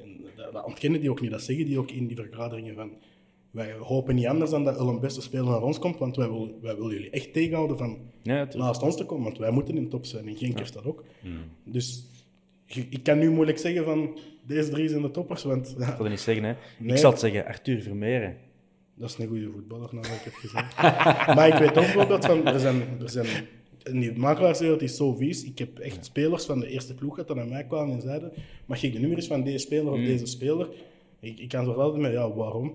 En dan zei hij, ja, nee, iemand goed. Ik zeg van, je weet wanneer de training van de belofte zijn, dan er maar na, na de training naar hem en dan vragen ze een nummer. Ik zeg, Ja. maar ik kan, ten eerste, dat zijn minderjarigen. Ik geef geen minderjarigen informatie door aan, aan, niet aan profvoetballers en zeker niet aan wildvreemden. En eh, als de jongens ervoor kiezen om hun papa bijvoorbeeld als makelaar te houden, of zoiets hebben van ik heb geen makelaar nodig, want ik ben fucking 15 jaar oud, dan, dan, moet, dan moet iedereen rond hem niet anders doen en die keuze respecteren. Maar dat is de wereld jammer genoeg niet. En die makelaars zijn altijd als aasgieren aan het, Ah, ja. eh, aan het Haals. zoeken naar, de, naar de, het volgende grote goudhaantje. Ja. En daarmee, ik, ik zal nooit niet zeggen van die werd in Mhm. de Kamer genoemd als talent, want uiteindelijk, ik moet heel eerlijk zeggen, ik kon dat ook niet altijd zien wie dat de grootste talenten waren. Mhm. Kon wel zeggen, bij een Bruni zag ik op bepaalde momenten echt wel van gewoon, dat deed ons matchen echt winnen bij de belofte. Mhm. Maar over, er zijn sommige gasten waarover dat ik dat niet kon zeggen, voordat iedereen eigenlijk zei van ja, ja maar dat is ons gastje in deze, uh, we bouwen een specifiek plan rond hem en we doen dit en we doen dat. Dan een paar keer echt naar hem kijkt, het matchen er wel zoiets van, oh, die is eigenlijk echt heel goed. En dat ik zelfs ja, eh, vrienden heb dat, dat in de voetbalwereld zitten en ook zeggen van ja, er is een agent dat mij vraagt van zijn nu. Ik zeg altijd nee, vraag, vraag dat niet aan mij, want dat gaat. Vanaf dat ik dat één keer doe dan, en dat, komt is- uit, dan heb je die naam en dan, dan kun je ook al niet meer in een club werken. En Nee, nee, ja, je dan, wel beter eh, integer blijven. dus ja, op, op dat vlak heb ik altijd zoiets van de dingen dat je zelf nog niet op tv ziet of dat je zelf nog niet kunt benoemen, dat ga ik niet Nee. voor een andere benoemen. Maar eh, ik hoop, zoals dat jij zegt, Bruni Simba, dat hij erdoor komt. Ik hoop dat voor Arthur natuurlijk ook. Ik hoop dat voor elke jongen dat daar zit. Maar Arthur, die jij ook bij de U17 van de Duvels dan mee begeleiden? Of, eh? Ja, ik heb die één week gezien, eh, want mijn eerste week was dan... Maar ik doe eigenlijk de Flames U17 en de Rode Ah, Duivels sorry. eerste. Dacht, eh, Maar het is, het is heel flexibel daar wel. Dus Ah, ik doe bijvoorbeeld ook nu... ehm, ik ga naar Moldavië mee met de voedsel U19 over een paar weken. Dus het is wel een heel flexibele job. En als je er kunt springen voor iemand, dan... ja. Doet je de Duvels U17 deed? Nee, nee, ik, doe, ik heb, ben teammanager Flames U17 en kitman bij de Rode Duivels zelf. Oké. Dus, eh, En nu nog met de U19 voedsel mee in eh, Moldavië? ja, maar dat is enkel een week invallen voor iemand. Oh, dat is, de veelzijdigheid van de job is ook wel... Ja, ik had, ik had ook zo, bij mijn sollicitatie had ik zo wel gezegd van, ik heb twee jaar thuis gezeten door covid, dus als je zoiets hebt van, moet iemand mee naar een bepaald land? ik heb maar. geen vrouw of kinderen, dus ik kan, die, ik kan dat momenteel nog doen. Ik heb dus de Nog geen vrouw of kinderen? Nee, nee, nee voorlopig... eh, Ik geef wel telefoonnummers door, dus uh, geïnteresseerde luisteraars. Dat is, eh, kijkt ik ga er heel niet op, kwaad in- naar ik ga er- niet op ingaan. Nee. Ehm, alright, nog vragen. Er zijn er veel. Yes. Eh, wat is Gilles zijn mooiste herinnering aan Laszlo Belloni? Eh, dat, ik, ik heb eigenlijk al gezegd op, ehm eh, op Meet Meet dat hij mij heeft laten stemmen op eh, de Gouden Schoen. ja. Ehm, moet ik er nog een andere vinden? Ah, ah deze is de beste. Ehm, dus Fuck Meet Meet. Oh, my. zijn beste huid ever. Laszlo Belloni komt naar mij en, eh, op, op een dinsdag en hij zegt er is match op, op eh, vrijdag. Zaterdag, zondag, maandag zijn ze vrij en dinsdag moeten ze pas trainen. Dus ik ga naar, hij ging naar zijn vrouw in Nice voor eh, drie dagen voor het weekend. Hij zei dus, vrijdag moeten wij afzetten in, ehm, in Charleroi. Zaventem, ah, in Charleroi. Om zes uur. En hij had een, nee, hij zei, ik heb een vlucht om acht. Dus zet mij af om zeven. Ik zei, in België kun je best nog op voorhand zijn. Dus ik zal u afzetten om zes. Ah ja, ça va, ça va. Dus ik pik hem om eh, kwart voor vijf op in Braschaat op dit moment. En eh, we rijden naar eh, Charleroi. Ik stap, stapte uit in Charleroi, ik rijd terug naar huis. Ik ben op het rondpunt van de snelweg op te gaan en zeg Gilles, ik moet in Zaventem zijn om acht uur start mijn denk van, maar Belloni is iemand die, die, doet altijd zo'n dingen. En je weet niet of dat hij dat expres doet om je een dag echt te verpesten of dat hij gewoon zo'n beetje niet? nonchalance heeft. Dus die staat om zes uur op Charleroi en die zegt op vrijdagavond, midden in de spits, ik moet een vlucht om acht uur in Zaventem halen. Ik, ik heb ga twee anekdotes vertellen trouwens. Eh, en ehm, we zijn... ehm, ja, ik zeg van ja, oké, stap in. We gaan zien hoe snel we geraken. Ik heb echt waar een, een kanon, een race aan Roemeense vloeken gehoord onderweg. tegenover het Belgische verkeer. En, ja. en, en alle, alle scheldwoorden die heel het Oostblok heeft, zijn eruit gevlogen. Maar ik moet wel zeggen, ik ben op een recordtijd, op drie kwartier, van Charleroi in Zaventem geraakt. Mede omdat ik een paar keer op de pechstrook heb gereden, maar die feiten zijn ondertussen verjaard. Dus ik kan niets doen. Maar ehm, dat, was, dat was een insane moment. En dat was ook op het moment dat er op de club zoveel dingen gebeurden ook. Dat ik soms thuis kwam en dat mijn mama zei, allee, wat is er vandaag weer gebeurd? Snap je? Want er was elke keer wel iets. En ja, ik zeg, dat met Beleuni, dat was... Ik dacht echt toen dat ik in een auto zat naast die mens van, deze kan toch echt niet, dat daar is aan het gebeuren. Maar belt je dan rustig of is je... eh, Ah ja, maar in alle rust, hè. ja, ik zie je, ik Dat zie je er dat- ook zo dat staan, zo, met zijn Gilles, brilletje op zijn... Gilles, Oui, il Gilles. faut que tu viennes me chercher parce que le vol, c'est à Zaventem. Mais ici, ça dit sur le papier Bruxelles Sud. Ik zeg ja, maar Zaventem, ja, Zaventem is Brussel Airport. Ik van ja. Dus sindsdien heb ik ook elke keer als ik iemand op de luchthaven moest afzetten, ook echt, geef mij je ticket zodat ik zeker ben. de juiste. En de, de, de tweede leukste, ah, de minder leuke anekdote misschien, is dat ik ehm, door die Mersin Bocani mijn rijbewijs ben kwijtgeraakt. Echt?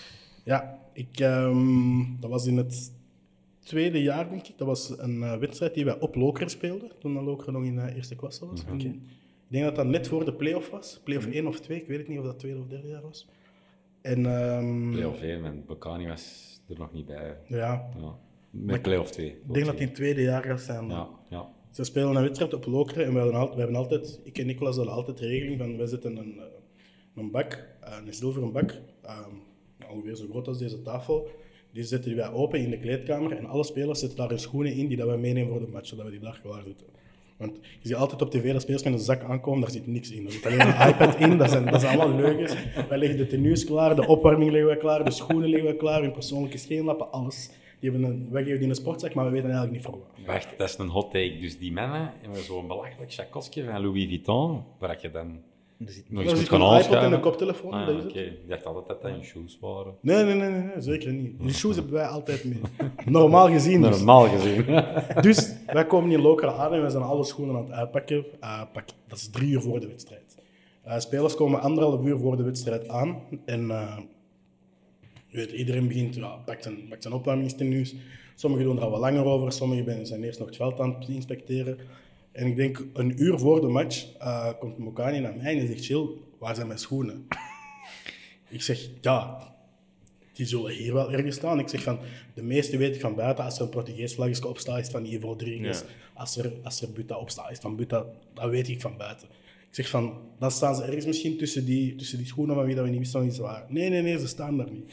Ik zeg, dat kan niet. Ik zeg, als je die in een bak hebt gestoken in de kleedkamer. Ik zeg, hoe bak je in de kleedkamer? Die bak stond in de gang. Ik zeg, nee, die bak stond niet in de gang. In de, bak, in de gang stond er een lege bak waar dat niks in zat. En daar stond ook niet op dat daar schoenen in moesten. Ja, maar je moet mijn schoenen echt gaan halen, anders kan ik niet spelen. Ik zeg, het is een uur voor de match, we zijn hier loker, ik kan niet... Dat was, ik, weet niet, ik kan niet op een uur naar Nee, Antwerpen en terug niet. Nee. Zei, jawel, jawel, dat moet. Ik zeg, ja, oké, weet je, ja. Ik bel op dit moment ehm, naar, eh, naar Sven. Ik zeg van, ja, Sven, ik ga, ik ga nu in alle spoed naar, naar Antwerpen rijden. Het is, eigenlijk niet het is eigenlijk ook niet verantwoord, maar ik zeg van, anders heeft u een topschutter geen schoenen om mee te spelen, want er is blijkbaar niemand dezelfde maat. Ik zeg van, eh, ja, ik wil, kan ik wel de garantie krijgen dat als er een boete komt, dat de club die betaalt. Hij zegt, ja, oké, nee, dat, kun, dat kan. Dat is, we gaan er niet moeilijk over doen. Hij zegt van, "Zorg- als je het in orde kunt krijgen, is dat, is dat allemaal geen probleem. Regels, chill. Ja, ik zal zo niet nog een derde anekdote vertellen, die dat ik ineens naar boven komt houden. En, ehm, dus ik vertrek ja, van Lokeren, direct de snelweg op. Ja, ik zie achter mij flits, flits. Ik denk, ja, so be it, snap je? Ja, ik, ik denk van, die match is momenteel prioriteit. En eh, ik, ik ben net voor de Kennedy-tunnel, dus eigenlijk net voor de afrit van... ehm, eh, Hoop ook dan. Of, of, nee, nog voor de Kennedy-tunnel. Eh, hoe heet het daar? Is het daar Kruibeke? Ja, voor Kruibeke. Ja, ja. En eh, Nicolas belt me, ah ja, Mokani heeft zijn schoenen gevonden. Eh, Oh, hij, was, hij, was, hij was met Ivo op plaats gewisseld, want Ivo wou naast Boeta zitten. En hij had vergeten zijn schoenen mee te pakken. Dus ik denk van, ja, oké, fuck. Dus Kan ik, dus ik eh, ja, match is gebeurd. Eh, ik de volgende dag naar huis. Mama, als je een brief binnenkrijgt, geen zorgen, dat is een boete, maar een Antwerp gaat die betalen. Oké, oké. Twee, drie dagen later, eh, mama, ik heb elke dag de post open gedaan, maar je hebt geen brief. Ik, ja, misschien was ik dat toch niet geflasht, misschien was dat iemand dat met zijn pinkers wel aan het doen. Eh, november, eh, dus dat, is, ja, dat was net voor de play-off, dus november is zes maanden later, krijg ik een gerechtelijke brief binnen. En ik denk van, hoe, van wat kan deze nu zijn? Ja, uw rijbewijs wordt ingetrokken voor eh 40 werkdagen, tenzij dat je een protest kunt indienen. Dus ik, ik naar, naar Patrick van de administratie. Ja, ik, ja. ja. Ik zeg, Patrick, ja, dat is allemaal Mokani's schuld. Ik zeg, nu zeg je mijn rijbewijs. Ja, hij zegt, kunnen, we, dat- kunnen we dat niet laten verminderen met een advocaat? En Patrick zegt, weet je ik zal met een advocaat bellen. Ehm, dat was Jan eh, ook voorzitter geweest. Jij, Michel? Ja, Ja, Michel. Doet hij die dingen? Die heeft dan eh, voor mij een, prote- een protestbrief laten opstellen. En dan is het uiteindelijk een vermindering geweest van eh 40 dagen tot, eh tot 8 dagen. Dus eh, ik heb acht werkdagen eh, een rijverbod gehad. Met, Dus effectief een, met een tram van Kiel naar Deurne-Noord Ja, nee, ons mama en ons Ah, oké. heeft me toen gebracht maar, en met een tram altijd naar huis gegaan. Maar effectief naar het justitiepaleis moeten gaan, mijn rijbewijs indienen. Ah, eh, en daar de preek krijgen van ja, en als je het, nog, en als je het rijdt in die acht dagen, ik zeg, ik kan niet rijden in die acht dagen, ik heb het begrepen. Ik zeg van, het is ook niet mijn schuld, ik zeg, maar dat is een heel lang verhaal. en dan, eh, ja, dan effectief heeft de, de boete werd door de club dan betaald, dus daar waren ze dan wel. En niet door uh, Mbokani zelf. Nee, op die moment... eh, Heeft nog sorry gezegd over? eh, Nee, dat boeit hem ook helemaal niet. Die heeft dat ook nooit niet geweten, denk ik. Zodat ik maar even kwijt ben. En de derde grappige anekdote, was dan- dat was eigenlijk mijn, mijn grootste fout. Eh, ik heb dat ook eh, bij mijn sollicitatie bij een bond, zei ze ook van ja, wat heb je al meegemaakt van fouten? En dat vooral ook gedaan, kon ze wel mee lachen, dus ik denk van misschien kunnen jullie daar ook mee lachen. Ehm, dat was in het jaar dat Genk kampioen speelde. eh, was de voorlaatste match van play-off 1 was Genk-Antwerpen. En dat zij wonnen van Brugge in de match nadat ze van ons zouden hebben gewonnen, waren zij kampioen. Ehm, en je krijgt van de Pro League altijd op voorhand een mail van Gulle speelt in deze kleur. Ehm, die bevestigen dan in welke, bevestigen meestal op dinsdag in welke kleur dat je op zondag speelt. En zeggen dit is de suggestie voor de week daarop, dus voor over twee weken. Dus wij hadden twee weken geleden een mail gekregen dat wij op Genk speelden in het rood met de keepers in het geel. Of zwart, ik weet niet, het was een van de twee, geel. En ehm, wij hadden niet meer gekeken naar die tweede middel, wat dat onze fout was. Maar daarin stond dus blijkbaar dat wij in het rood spelen met de keepers in het zwart. Wat wij dus niet hadden voorbereid. Dus wij kwamen daar met een gele outfit. We zijn aan het opwarmen en eh, we zijn het, de uitspelers aan het opwarmen. En wij zien dat de keeper van Genk met gele ondersokken speelt. En wij zeggen tegen de materiaal van, wij spelen in het geel. Waarom draagt je van nul gele sokken? Nee, nee. Heb je de mail niet gelezen? Jullie spelen in het zwart. Dit is zo'n herkenbaar verhaal voor Ja, ja, iedereen op elk niveau van het voetbal. Ik zeg, doe me dit niet aan, alsjeblieft. Niet vandaag. Ik zeg, we spelen in het geel. Wij terug naar die match delegate meeting. En we zeggen van, ja, sorry, eh, tegen ons is het echt dat we in het geel spelen.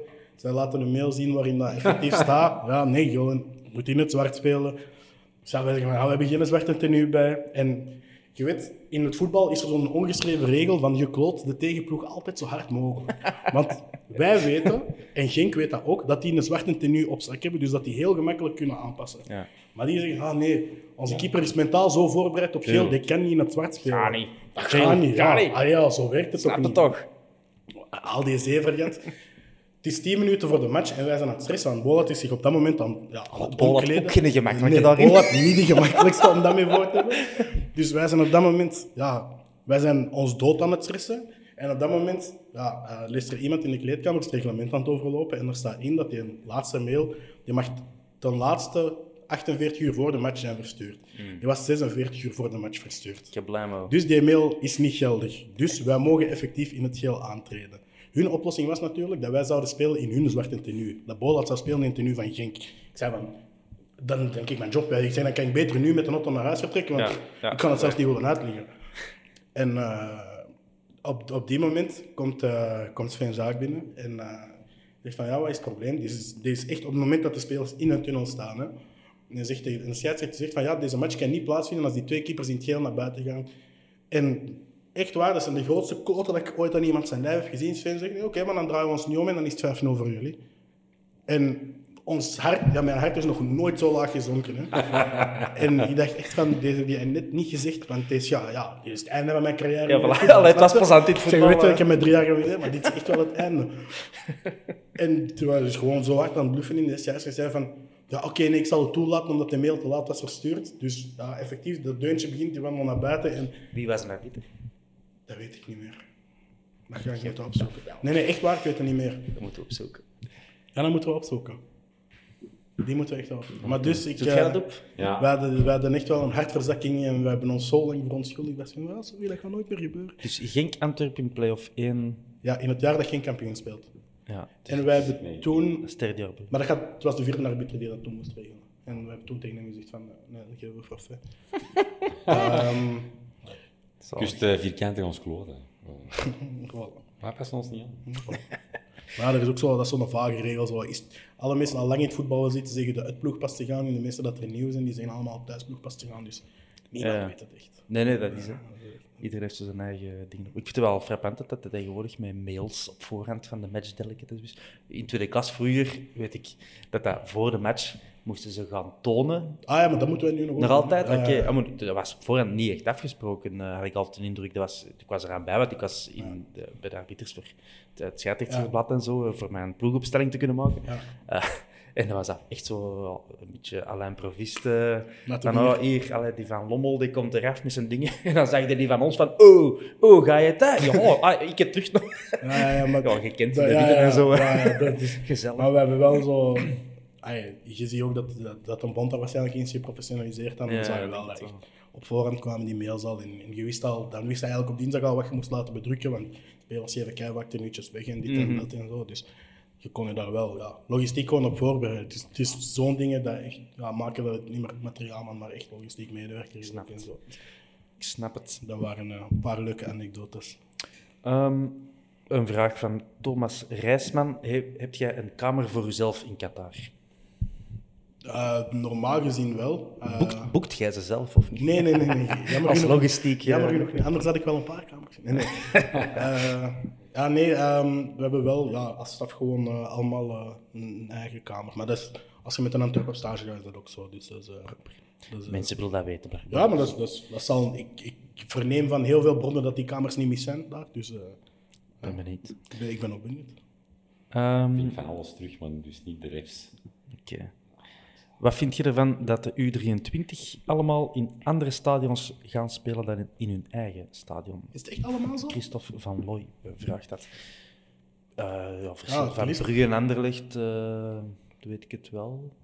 Ik heb het nog niet zo gezegd. Genk speelt dan denk ik ook aan, een, aan de andere kant van hun stadion.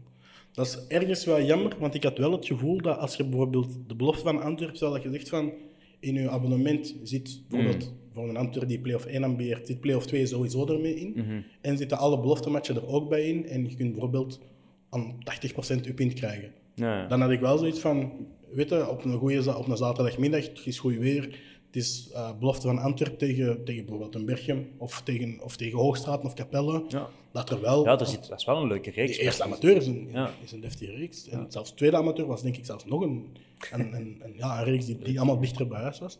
Maar dan had ik wel het gevoel van... Dan, dan zeg je al sneller zo eens van, weet je wel, we gaan op zaterdagmiddag eens, eens naar de belofte zien. En, en als, er, als er dan ook al een paar goede voetballers zitten, of je hebt misschien bij Anderlecht en Genk in 1B zelfs, dan heb je ja, al de betere gasten van, van het jeugdvoetbal van België.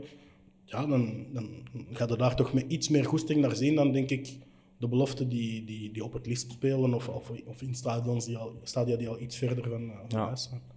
Dus dat is eh, misschien wel een, een gemiste kans, maar ik denk ook het verhaal van greenkeepers. Ik heb eh, de laatste vijf jaar ook met greenkeepers heel nauw samengewerkt. Ja. Dat zijn ook mensen die dat hun job heel serieus nemen natuurlijk. Mhm. En die dat, ja, bij Antwerpen hebben die zelfs een paar keer de Gouden Hart gewonnen. Dus Ja. ik snap wel dat die zoiets van hebben van één ploeg is genoeg. Ja. En daar is dus Europees voetbal tussen, is al meer dan genoeg belasting voor dat veld. Als je dan nog de snotneuzen bij wijze van spreken nog eh eens 20 wedstrijden laat spelen in, in, in eerste amateur, wat dan al vechtvoetbal is soms, dan, eh, ja, dan gaat je eerste ploeg op het einde van het jaar de, de tafereelen mee maken dat Anderlecht in de mindere periode zat. Met, Ja. een, eh, met een bijvoorbeeld. True. Eh, wat is uw, die, dezelfde van Loïc Christophe, die heeft een paar vragen afgevuurd. Wat is uw favoriete voetbalclub buiten Milan en Antwerpen? Ik eh, ben al heel lang op zoek om ehm, een favoriete club in elke competitie te hebben. Oké. Ik weet, vroeger op de club, op de Antwerpen, kwam jij wel eens met een PSG-truiken. Oei, nee, dat was ik niet, denk ik. Nee? PSG? Ja? Nee. Ah, ik dacht, ik je- niet. dat staat altijd in mijn kop dat jij Milan en PSG... Oei, nee. Ah, oké. Okay. Mij vergis Ik denk toch niet dat ik... Wacht even, ik denk niet dat ik PSG-truitjes heb. Oké. Ehm, maar ik, ben, ik was wel zo altijd zo op zoek naar een favoriete club in elk land. Ik heb dan, ja, omdat je, als je er vijf jaar werkt natuurlijk in Antwerpen, is, is je ploeg in België. Ik heb eh, ja, door mijn papa en mijn broer zo wel een beetje een zwak voor Anderlecht, dus daar volg ik zo altijd wel een beetje wat daar gebeurt. Zeker ook omdat ik altijd heel groot fan ben geweest van, van jongens als Company, eh Ja. Bocani en Lukaku. Eh, in, in Nederland is dat Ajax, in Portugal is dat Porto, eh, omdat dat het eerste stadion is dat ik heb bezocht in, eh, in het buitenland. Belangrijk. Ehm, in Italië, Milaan. In Duitsland heb- vind ik niemand en in Spanje eigenlijk ook niet. En in Engeland ook niet. Terwijl dat zo de In drie... Spanje is dat mij Betis. En ik kan er, ik kan er altijd niet goed uitleggen waarom, maar... Jij ook een Ik heb, fan ja, ik heb ook een truik van Betis, een paar jaar geleden, Sevilla, Citytrip. Charlie Moussonda zat daar toen. Ah, ja, ja, Een Grote Moussonda-fan. Truiken gekocht. En ja, deze jaar ook, die hebben een Copa del Rey gepakt. En Hector Bellerin. gewoon Joaquin. wel cult- Ah, voor mij was Ja. eigenlijk Joaquin is de enige reden dat ik kan... kan, eh, kan Dat zijn, van die, dat zijn wel van die cultuur, cultureel mooie clubs. Ik heb, ik heb bijvoorbeeld wel een zwak voor, eh voor Athletic Club in Bilbao. Ja, omdat die wel, ja, die een project van alleen maar spelers uit eigen regio, Ja. dat is wel iets, iets moois. En als je Ja. toch in een van de beste competities ter wereld in de top kunt meedraaien, Ja. met enkel jongens die geboren zijn en getogen zijn in je eigen regio, dan is dat wel mooi. Maar ik vind ook ja, ploegen als Lyon, als Villarreal, ik denk dat er heel veel ploegen zijn die dat ik wel mooi vind, maar ik heb zoiets van, misschien als ik te veel favoriete ploegen heb, dan is het iets te veel. Dan is Ja, mijn dat is- tijdlijn vijf verschillende ploegen bijeen. Ik denk dat als ik, als ik Milan en, en Antwerpen zo kan volgen, dan zit het al goed. Nee, dus ik heb ook echt wel een onderscheid in van, oké, de Antwerp, dat is mijn club. Ja. En dan is er wat clubs waar je zo wat sympathie voor hebt of zo. Ja, wat je van, als die eens goed spelen, Ja, dan, voilà, ik ze die uitslagen en van, ah, oké, ze, ze, ze hebben gewonnen. Of die is- tekens, of, of Fekir komt naar Betis, maar weet je wel? Ah, Ja, Ja, ja. Is wel Ah, wel, ja, gaat Ja, voilà. Ja. 2014, toen eh, Richie de Laat nog bij Leicester City zat. Ah, ja. Lekker gaan glory hunten in, ja, in de championship. De promotie van Leicester meegemaakt. juist. Pitch invasion. Ja, dat is crazy. Het jaar daarvoor zat ik op Erasmus met, met, een, met een buurman. Een grote Leicester City supporter. Zijn een onkel voor Leicester gespeeld, een Engelsman. En dan hebben we nog die, pijn- die pijnlijke moment meegemaakt dat Anthony Knockaert penalty op de paal schiet Met tegen Watford, Watford. ja. En dan Troy Deeney naar Wembley mag. Waar ja, jij, waar jij in het stadion? Nee, nee, nee. Ah, ja, we zaten dan op Erasmus die match te zien, dus die was in zakken as. Dat is toch eigenlijk een van de gekste comebacks. Want iedereen zegt altijd, de remontada is, is heel schoon, maar Mm. dat is eigenlijk de grootste comeback dat ik ooit heb En het jaar daarna speelt Leicester dan toch kampioen in eh Championship met, met Richie de Laat. Dat is... En een paar Tegen Doncaster Rovers. Doncaster Rovers in extreem is ook gezakt. Wij zaten dan in dat uitvak als ja, verdorven Ja. Leicester City supporters. Eh, ja, is wel gezellig, Die gasten van Doncaster Rovers hadden ook zo allemaal opblaasspullen bij, zo in de laatste speeldag, wat folklore te zorgen. En dan zag je zo'n gast, zo'n Doncaster eh, Rovers supporter, afdrapen, mijn opblaaspop. onder zijn arm. Zo. Toch nog iets meegenomen. Die gasten spelen hier kampioen en, en, en wij, wij zakken in extremis omdat Birmingham City een gelijkmaker eh, maakt. Ja, absoluut. Sinds, sindsdien heb ik ook wel een beetje een Leicester-zwak zo in Engeland. Maar door zo'n dingen leren de clubs ook gewoon appreciëren door daar gewoon te zijn. Hè. Ja. Mijn, mijn onkel zegt altijd van, je, je kiest geen clubs, maar clubs kiezen u. En Mm. ik geloof dat in een bepaalde mate. Bedoel, er is, bij Milan is ook geen reden dat ik daarvoor supporter, maar je hebt toch zoiets van, je hebt je zo een periode gevolgd, of je bent daar geweest, of je, je misschien eens een speler ontmoet, of je kent mensen die daar supporter van zijn, en dan volg je dat zo even. En Mhm. dat blijft altijd, ja, als dat een goede ervaring is, dan blijft dat altijd mee met u. En het is op die manier, denk ik, dat, dat, dat je, dat je ja, sympathie, denk ik, maar voor, voor een tweede of een derde club kunt ontwikkelen. Ja, ja, Ik merk ook dat heel veel mensen Ajax als tweede club hebben ook. dat hoor ik ook vaak, maar ik heb dat helemaal niet. Nee. Als ik in Nederland echt zou moeten kiezen met een, een pistool tegen mijn hoofd, zou het Feyenoord zijn, maar dat ook niet... Ik ben word dan een- ook niet heel warm. Ik ben een paar jaar geleden... Ah, rood-wit, havenclub. Ja. Ah, ja, voilà, ik, ik- dat, dat zijn parallellen voor mij, maar... Ah, Ik ben een paar jaar geleden Feyenoord eh, Ajax gaan zien, de klassieker. En dat was toen de 6-2. In het laatste seizoen van Robin van Persie. En je voelt, ze zeggen al eens, de kuip voelde daveren. Ja. De kuip voelde daveren. Eh, echt crazy. En ik heb ook zo wel een tijd AZ eh, veel sympathie, eh, maar dat is wel, dat is wel verdwenen. ja, zo AZ met, Van Gaal en, de, en Dembele ja. en Maarten Martens, zo die dingen. Ja. Daar heb ik echt wel iets van, maar ja, als underdog, zo die traditionele eh, drie clubs. Ja, dus. Maar dat is weg, dat is weg. die sympathie. ja je, kunt, je kunt ook niet voor acht clubs supporten. Nee, Dat is- nee, dat nee, is- dat is, dat is niet supporter. Dat je, dat je gelooft ook niet iemand die dat zegt, ik ben fan van vijf, zes clubs. Hè. Nee. Het is altijd zo, "Ai, maar wat is echt uw club? Sam Kerkhoffs, if you're listening. Ah, echt? Anderlecht, eh, United, United. En, eh, en Ajax. eh. Ja. Alex, if you're listening. Eh, nee, is wat. Ehm, we gaan door. Oh, weer Christophe van Looy, maar zeer gewichtige vraag. Wat is de beste voetbalpodcast volgens u? Mag ik iets anders dan Coca Sport en de vierkante Van mij moet jij antwoorden? alles zeggen. De beste voetbalpodcast voor mij. Ehm, ik ben eh, heel lang op zoek geweest naar, naar een podcast die dat, ehm, gebracht werd, een voetbalpodcast dat gebracht wordt door een komiek. En dat is eigenlijk een, een beetje een gat dat altijd is, is blijven hangen. En ehm, ik, ik zeg niet dat ik dat ga kunnen met, met mijn podcast nu over Milan. Maar dat is wel zoiets wat ik zou kunnen ambiëren. Van als je echt een hele grappige podcast over voetbal kunt maken, dat zou los. Mijn, eh, als je er een kent, als ken een. Welke? Dat is mijn, mijn favoriet, is eh, de Football Ramble. De Voetbal Die Ramble. bestaat nu 15 jaar al, dus echt ay, Ik kan prehistorie even, kan podcast. opschrijven? Dat zijn eh, Engelse blokes, vroeger gewoon maten op de NIF, en die zijn beginnen podcasten op de keukentafel. En eh, nu is het echt een professioneel productiehuis met vele medewerkers.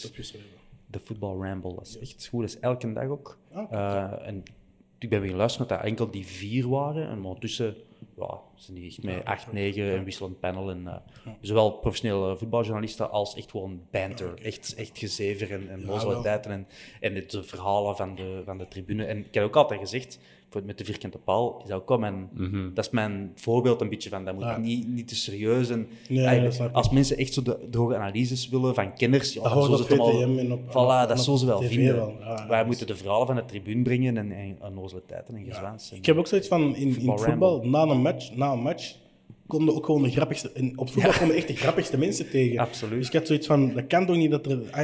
dat er geen podcast is waar dat ik elke minuut moet lachen. Of wat dat eigenlijk een beetje is als, als je naar een comedy kijkt. Ja. En ook zoiets van, het is, het is de volgende mop op de volgende mop Ja, op de volgende mop. Dat is wel moeilijk, denk ik. Om Ja, dat is een hele moeilijke, tempo maar- erin te houden. Maar als je dat kunt over ja, voetbal, ik bedoel, daar is het meestal grappiger als het, als het niet lukt. Ja. Dus dan kun je, je kunt in, in de miserie kun je altijd ja, een beetje je cynisme terugvinden. Ja, zeker. Dus op dat vlak heb ik wel zoiets van, dat is zo nog een beetje het, het gat dat zo, zo mist in mijn... Als ik er zo een vind, dan is het direct mijn favoriet. Dus ik ga nu een voetbalrembel... Oei, een voetbalrembel ga ik zeker proberen. Ja, doen. Die hebben nu net toevallig wel een hiaat, even, dus een eh, week of twee, even pauze, vakantie. Eh, dus nu doen ze metaal. throwbacks en zo, minder interessant. Maar Nee, maar is goed. We En hebben een komiek ook hè, in uh, onze podcastpanel. Dus, uh, de, voilà, de Geron. Geron, uh, Geron de Wilf. Oké. En de foute vrienden destijds. Wel bekend. Ah, juist, juist, juist, ja. En onze reserve stadionomroeper. Geron. Is dat? Ja. Ja. Ah, dus als, is als dat- de Vincent Virus eh op Q-Music gebeld heeft, of eh, ja, Oké, zijn dat is anders. eh. Dan hebben we wat Europese matchen en zo gedaan. Dan heeft Ja, al in, zijn, beste Grieks boven. Grieks Ah, En dan lachen wij daar niet mee in de volgende vierkante paal. Fantastisch. Ah, hier is hij. Souvlaki. Fantastisch. Maar natuurlijk wel met koelkast, dat is ook wel heel veel humor, toch? Ja, we Allee, zo elkaar, zo echt banters in elkaar. Ja, proberen en het ook gewoon luchtig te houden en ook gewoon, ja, wanneer, de, wanneer de iemand even take gooit die helemaal niet klopt, ga er even met drie ja, op in. En dat, dat moet ook, denk ik, denk dat dat ook gewoon, als wij, als wij geen camera hebben, is dat exact hoe dat wij praten ook. Dus ik denk dat, Ik herinner mij nog een memorabel moment. memorabel. maar dus zo'n dingen, ik denk, ik denk van, dat is, dat, is, dat is exact een banter dat je ja, met andere voetbalfans ook gewoon hebt na een match. Ik bedoel, Ja. Als, je- als je op de Antwerp is, is 0-4 verliest, ga alsjeblieft naar die eerste verdieping en Of naar de Great Old. Of de Great Old en luister gewoon. En je gaat, eigenlijk is dat een beetje, dat is een beetje erg, want je wacht met de malaise van die mensen, maar dat is zo grappig hoe dat die mensen over voetbal kunnen ballen. En ik heb altijd zoiets van, zoals dat je zelf zegt, die mensen moeten echt ook een stem hebben in de radio, want die zijn fantastisch om naar te luisteren. Eh, by the way, ik wil het toch gezegd hebben, on air, Koelkast Sport. Kijk, tof, ik kan iedereen aanraden om ernaar te luisteren. Maar ik heb me nog nooit zo oud en zo zo'n witte zak gevoeld als, als, als wanneer ik luister naar de Dan Koelkast. krijg je dat zo vaak te horen. Dat Ah, bro, wat zegt jij? Ja. Exact exact. Ja, ik, wil, ik zeg van. Ja, ik, maar- ik, dat staat echt, echt ver van mij. Ik, ben een taalmens, een Ja. taalnerd zelfs. En ik moet soms echt denken van... Wat zeggen die Ja, gasten? dat fuck je, hij is wat Frans en Engels allemaal. Maar wij tussen. krijgen dat kei vaak te horen. En dat is, ik moest daar eh, de eerste, ik weet ja, zoals dat je zelf zegt, ik was in het begin ook eh, bij, bij HLN is uitgenodigd voor een, eh, met, met Mark de Grijs in de Champions League show te doen. Jij verstotte sowieso. Ik wou juist zeggen, die verstond ook niet. Nee, maar ik had, ik had wel zoiets van, ik moet nu even, ik moet niet iemand anders zijn. Ik mag nog altijd, ik Ja. heb mijn eigen mening en die zal ik sowieso wel zeggen. Maar ik kan niet, zoals ik tegen Brian praat, tegen Mark de Grijs ook praten. Dus je moet je even... Ik zou er geld voor over hebben. Ja, wel, maar ik had, zo bro. op die, ik had zo op die moment zoiets van, ik, ik, ja, bro. ik heb bij wijze van spreken, in de derde aflevering gooi ik met een slipper naar Brian, omdat, hij- niet dom zegt. Dus, snap je, dat, je dat, Ja. dat, is, dat is een heel andere dynamiek dat je hebt. En ik denk, ik denk dat dat ook wel iets is wat dat mensen respecteren aan ons, dat je, wanneer dat het serieus moet zijn, Mhm. ik weet toen dat, dat er bij Company dat incident gebeurde in Brugge, kunnen wij wel gewoon 20 minuten zeggen, oké, we zijn serieus en we zeggen Ja. dit is dit en dit is dit. Maar in onze aflevering, als je iets, dom- als je iets dom zegt, ja, dan, dan wordt erop gepakt. Mhm. En we krijgen dat heel vaak, de opmerking van, van veel mensen, van, ah, ik voel me echt oud als ik naar jullie kijk. En wat betekent dit en wat betekent Ja, dat? dat is, dat is En echt... we zijn er ook mee aan het spelen om zo een, een klein formatje te doen waarin dat we heel veel straattaal uitleggen en zo. Dus dat, Ik, dat gaat misschien ik ga er naar luisteren. Ja, dat gaat misschien ik ga- wel... ik- eh, dat is een oprechte fascinatie bij mij. Maar ik, Toch al regelmatig tranen moeten lachen. eh, Met koelkast? ja. Dankjewel, dankjewel. De banter en elkaar echt blijven doorgaan. Ja, ik zeg het, maar het, het leugen is dat, is- dat, is, dat is exact hoe dat wij zijn. En dat is misschien een kant die dat je in, in het Vlaams Nederland zijn momenteel nog niet veel ziet van, ja, van mensen van, van onze subcultuur, omdat die gewoon niet vaak ja, aan bod komen, ook niet in, in hun natuurlijke habitat. Want Ja. wij komen, als wij... Als ja, wij zo'n opgepoetste versie of ja, zo. dat voilà, als, als, ik, als ik naar HLN kom, ben ik iemand helemaal anders. En bij Extra Time zit je ook veel gematigder dan dat, je, Ja. dan dat je zei als je met je vrienden bent. Dus dat is ja, zeg maar een beetje een soort van reality-tv gemixt met, met, met, met analyses geven. En, en- Ja. ja, dat- zolang dat we het tof vinden, dat, dat is het De belangrijkste. passage van Filip Joos was ook wel heel verademend, moest ik zeggen, in de koelkast. Hoe dat? In de zin Hij, is veel, helemaal anders. Ah, wel, dat, wij hebben, Allee, we- de hebben altijd, positieve zin, ja, ja, maar we hebben altijd het gevoel dat, dat, mensen, dat, dat mensen dat heel hard, zeker voetballers, dat die zoiets hebben van, oké, ik kan hier eigenlijk wel gewoon zeggen wat ik wil. En, Hmm. en eh, de, de- dat is ook de commentaar dat wij vaak achteraf krijgen, van als wij bijvoorbeeld iets moeten knippen, want we hebben wel al bij een paar voetballers echt wel dingen moeten knippen. Ook, ook al dingen dat wij zelf hebben gezegd van, deze gaan we even knippen, want anders gaan ze ons niet meer serieus nemen. Duomo. Maar dus er zijn, eh, er zijn wel bepaalde Deze moeten we even knippen.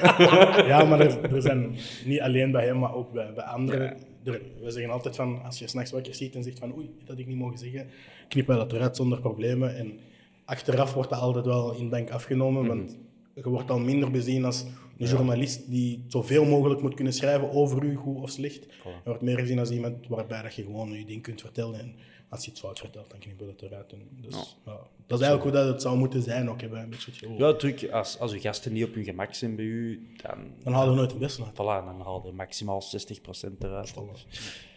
Ehm, oh, even een zwaarder thema, een vraag van, niet kijk even. Oei. Nicola VH, merk je zelf nog steeds racisme in het voetbal?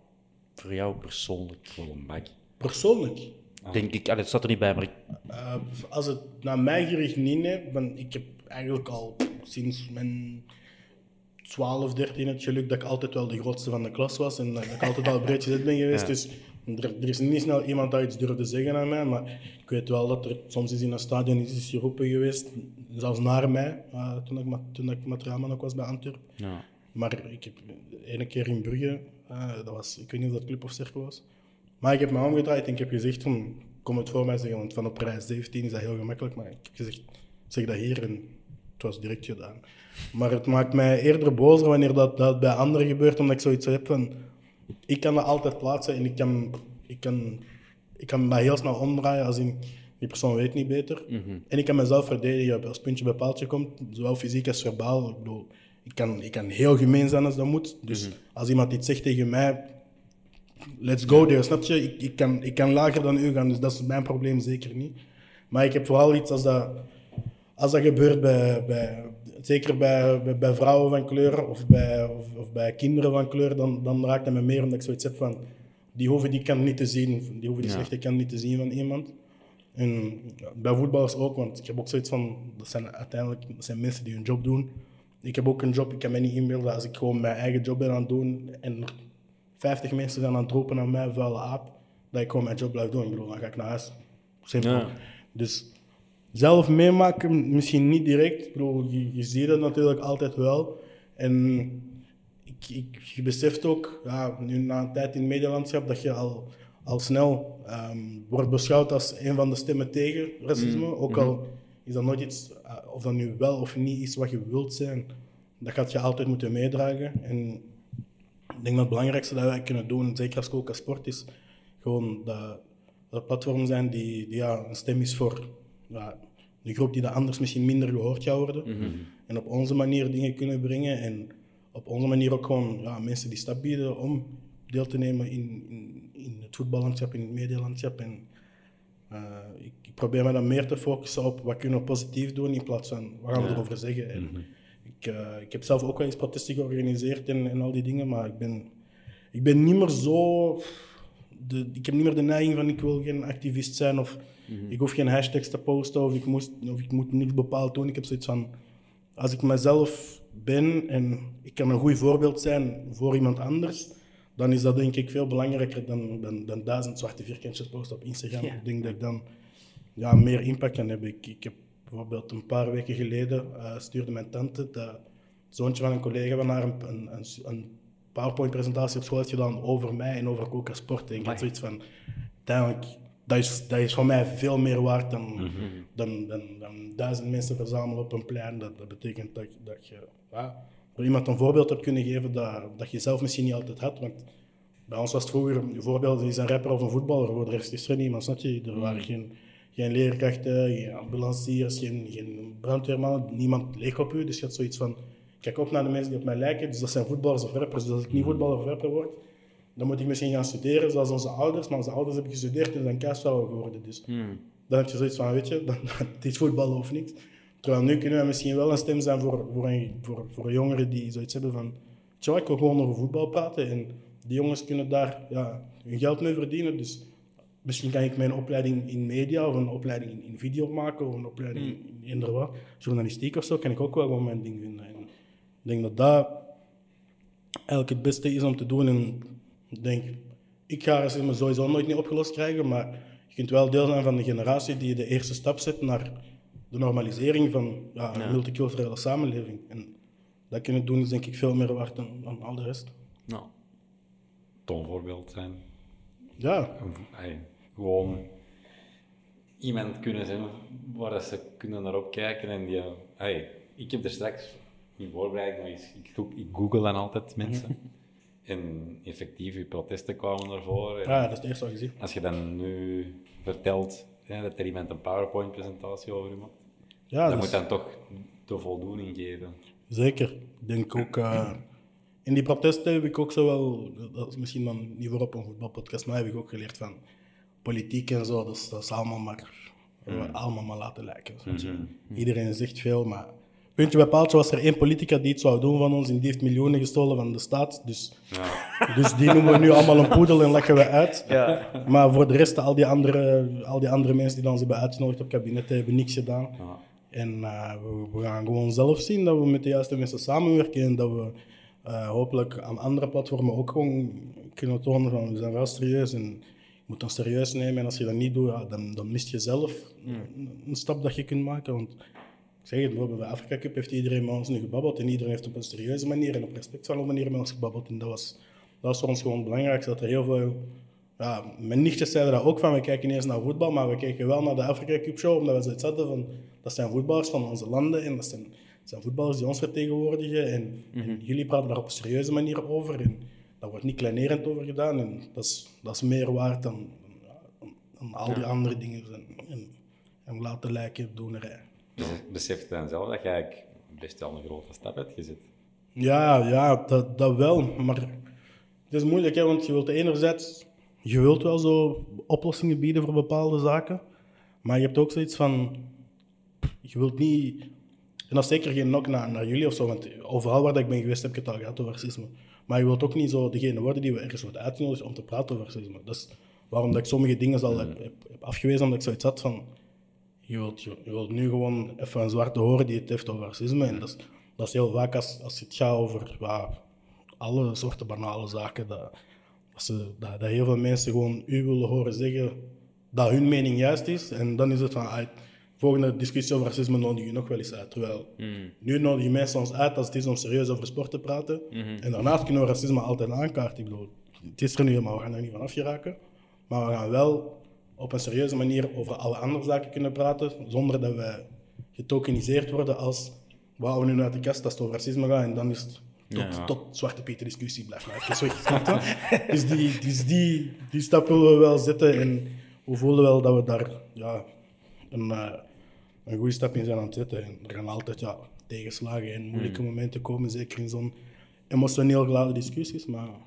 Maar de vraag was, eh, heb je zelf racisme? Ah, eh, merk je zelf nog steeds racisme in voetbal? Het antwoord is ja, bij die boeren van Brugge. En naar de bakjes. Goed antwoord. Voilà. Ik zal Een, een bondigheid in Formule 1. Ehm, een eh, bepaald account op Twitter vraagt, als je niet naar budget moet kijken, welke Milan-speler zou je het liefst bij Den Antwerp zien? Oh, wow. Moeilijke vraag, hè? Want jij wilt natuurlijk je beste Milan-spelers bij Milan houden. Ja, dat is een dubbele vraag. Als, als Antwerp supporter ehm, zeg ik. Je noemt hem Lau? Ja, ja ik, ik ben aan het twijfelen. Dat is toch de nieuwe Messi volgens jou? Beter dan Messi. Eh, ik ben aan het twijfelen tussen Leao of Tomori. Tomori is een, Dat is een Engelsman, toch? ja, een fantastische centrale verdediger. En ik heb gemerkt dat daar wel versterking nodig was op mijn momenten. Dus eh, ik zou Weer al zeggen. diplomatisch. Dus eh, ik, denk, ik denk als je. Maar aan de andere kant, ik heb net gezegd dat Balikusha gaat ontploffen en die speelt op dezelfde positie als Leao, dus dat gaan we niet doen. Oké. Dus ik ga eh, pakken waar dat de versterking waarschijnlijk het meest nodig was. Eh, een centrale verdediger, we halen Tomori. Oké, top. En als supporter Toby, en Toby moet dan niet niet meer Toby en Tomori, dat kan ook. Toby en Tomori. kan ook. Is, Een is nieuwe- dat een nieuwe- een transfer? Toby is nog niet eh, bevestigd. eh, nee. Maar wel We zijn er al lang aan het eh, Al talks, praten. hè, blijkbaar wel. eh, Ah, ik kan niet praten met mijn collega's. Nee, dat is kan waar. Of tijd eh, las ik op Facebook, uiteraard, maar het was een, iemand die persoonlijk met Toby Alderwereld had gesproken. En die gaf zo'n heel relaas van wat hem had gezegd. En het kwam erop neer van, ja, mijn vrouw eh, dit en ze zijn na bezig in, wat is het, Qatar. En Ja. het hangt niet van hem af, als van hem afhangt, eh, speelt meer morgen en van zijn vrouw Ja, ook. Maar de clubs moeten er nog uit Of komen. een kathedraal of zo naar hem staan. Hè. Ik bedoel, Hmm. er zal ooit nog wel in Antwerpen voetballen, sowieso. Ja, maar liever. Hij is ook van Eker, by the way. We zitten niet in Ja, Eker met de Raja is ook een ambassadeur van Beerschot. hè. Ja. En wat voor een? Ehm, jij gaat als single man naar eh, Qatar Ja. met de Rode Duivels. Met wat gaat Gilles zich zeven jaar bezighouden in een Qatarese cel? Eh, Voor de mensen ga- die de actualiteit niet volgen, het is een vraag van David de Porter, Ja. by the way. Eh, het was vandaag in de media dat eh, bij, wat was het? Een one-night Eh, stand? Een one-night stand, zeven jaar cel. eh. Ah, hoe gaat er daarop betrapt worden? Dat vraag ik me dan af. Hij zal daar wel een manier hebben in een hotel. zeker. Big Brother is watching you. Hè. Ik kan al geen Tinder op mijn gsm zetten eh, in Qatar, dat is al zeker. Ik zal ook mijn best doen om geen mannen op de mond te zoenen eh, die in die maand dat we in Qatar Moet je daar echt het best voor doen? Ja, nee, nee, nee, dat lukt wel. Dat lukt zo wel. En... goh, ehm, zeven maanden in de... Ik denk niet dat ik- Zeven zeven jaar. Nee, ik denk niet dat dat aan mijn besteed is. Nee.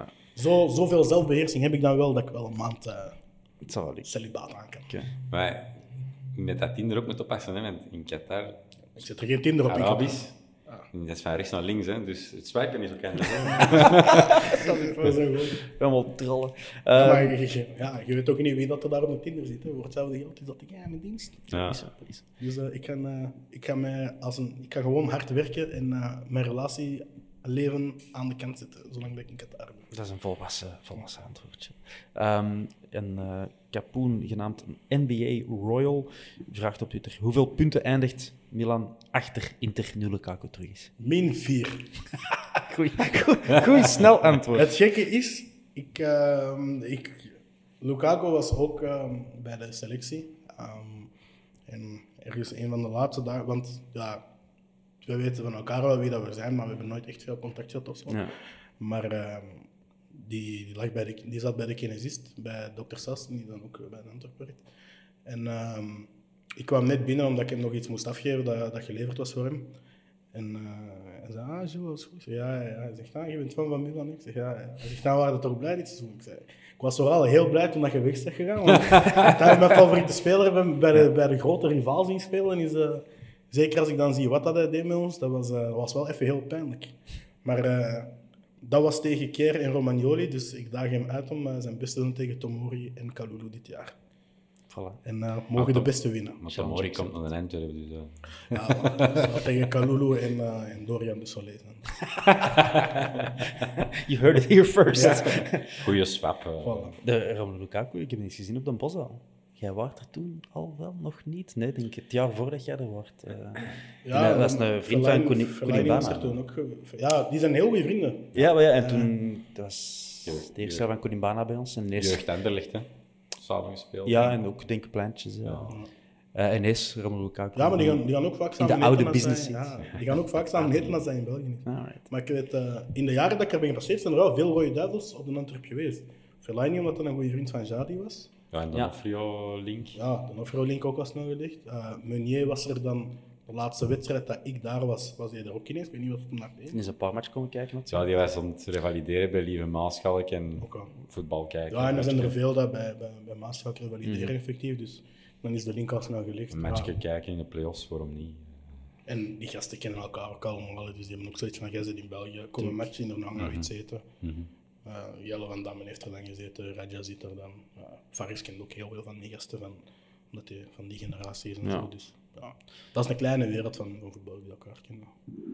Ik heb hier een vraag, ik denk van iemand van Brugge, en die vraagt, ziet hij Lang en of eh, Charles de Ketelaar passen in het team van Milan?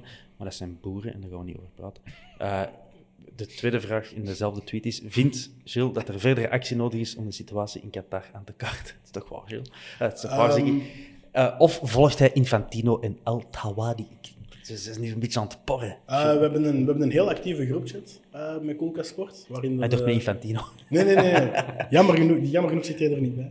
Maar we hebben zo'n heel actieve groepchat waarin dat wij eigenlijk over alles babbelen voordat wij dat op, op, op tv zeggen. Ook omdat we zo'n beetje zien van wat zijn de standpunten, zijn dat dingen dat wij willen verkondigen. En eh, wij merken toch vooral dat er, ehm, ja, de situatie die daar is, kunnen er niet omheen gaan. Er zijn eenmaal heel veel mensen gestorven aan, als gevolg van slavernij. Je zegt net zelf de regels dat daar zijn. Dat zijn allemaal dingen die zwart op wit zijn. Ik denk, iedereen die mij kent als persoon, en zoals gezegd, als je mij googelt, ah, je weet waar dat ik er vaak voor sta. Maar ehm, ik heb ehm, met Peter Bossaert, de CEO, daar al een paar keer over gebabbeld. En die zegt ook van, er is geen mening dat de bond mij ooit gaat opleggen om te moeten zeggen. Ehm, maar we- ze informeren wel altijd over alles wat er gebeurt.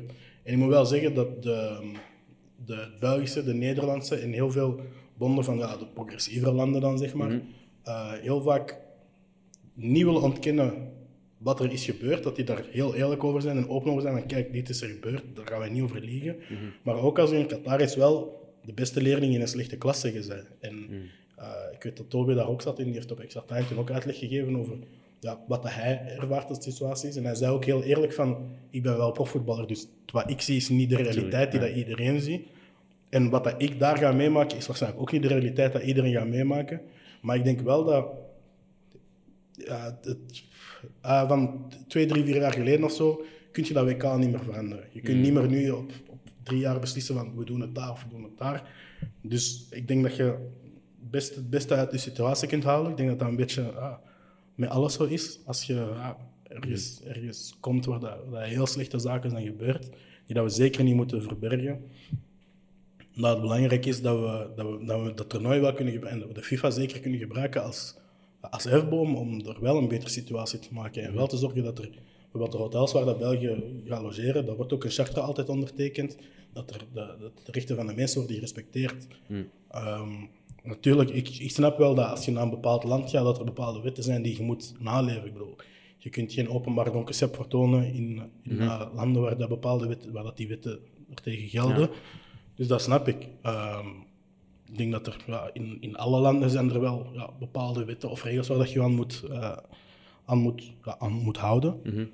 um, sommige wetten zijn dan misschien iets zotter dan andere, maar ja. Het is ook, uh, sorry ik onderbreek, maar de fout ligt in de toewijzing van het WK aan Qatar. Sowieso. Maar inderdaad, kunnen nu aan Qatar gaan zeggen: hey, jullie moeten alle wetten veranderen, want wij willen komen zuipen in alle stadions. Allee, nee, zeker Ik vind dat ook heel dubbel. En ik snap het, want voor mij is ja, voetbalcultuur, er gewoon een pintje en dat, maar dat is mijn voetbalcultuur ja, als westerling. Uh, ik vind het niet bepaald aan ons om te gaan zeggen hoe dat ze Ginter hun nee, en hun wetten moeten gaan is, inrichten. Op, ay, dat is een uitzondering. Ja, natuurlijk. de, de, de wetten, anti-LGBTQ-wetten bijvoorbeeld, dat, dat, is iets helemaal anders. Ik vind wel dat we daarin moeten kunnen eerlijk zijn en zeggen van er zijn bepaalde wetten van de mensen die, die voor iedereen gerespecteerd moeten worden. Um, ik snap ook dat, ja, dat je geen one-night stands mocht hebben in bepaalde landen. Mm. Ik bedoel, dat is nu eenmaal de realiteit. Uh, het ding is van, ay, als je vindt dat voetbal daar niet thuis hoort, en ik denk dat... Dan gaat er daar niet naartoe. Voilà, ik denk dat de meeste mensen, ja. uh, voetbalfans, er wel mee akkoord zijn. Ja, maar het, het, is toegewezen. Ja. ik weet ook niet hoe effectief een boycott zou kunnen zijn, want dat, dat, is dan heel cynisch, hè, want ze zeggen altijd van die mensen, die, de mensen die zijn gestorven gaan niet terugkomen als je mm. als land niet gaat.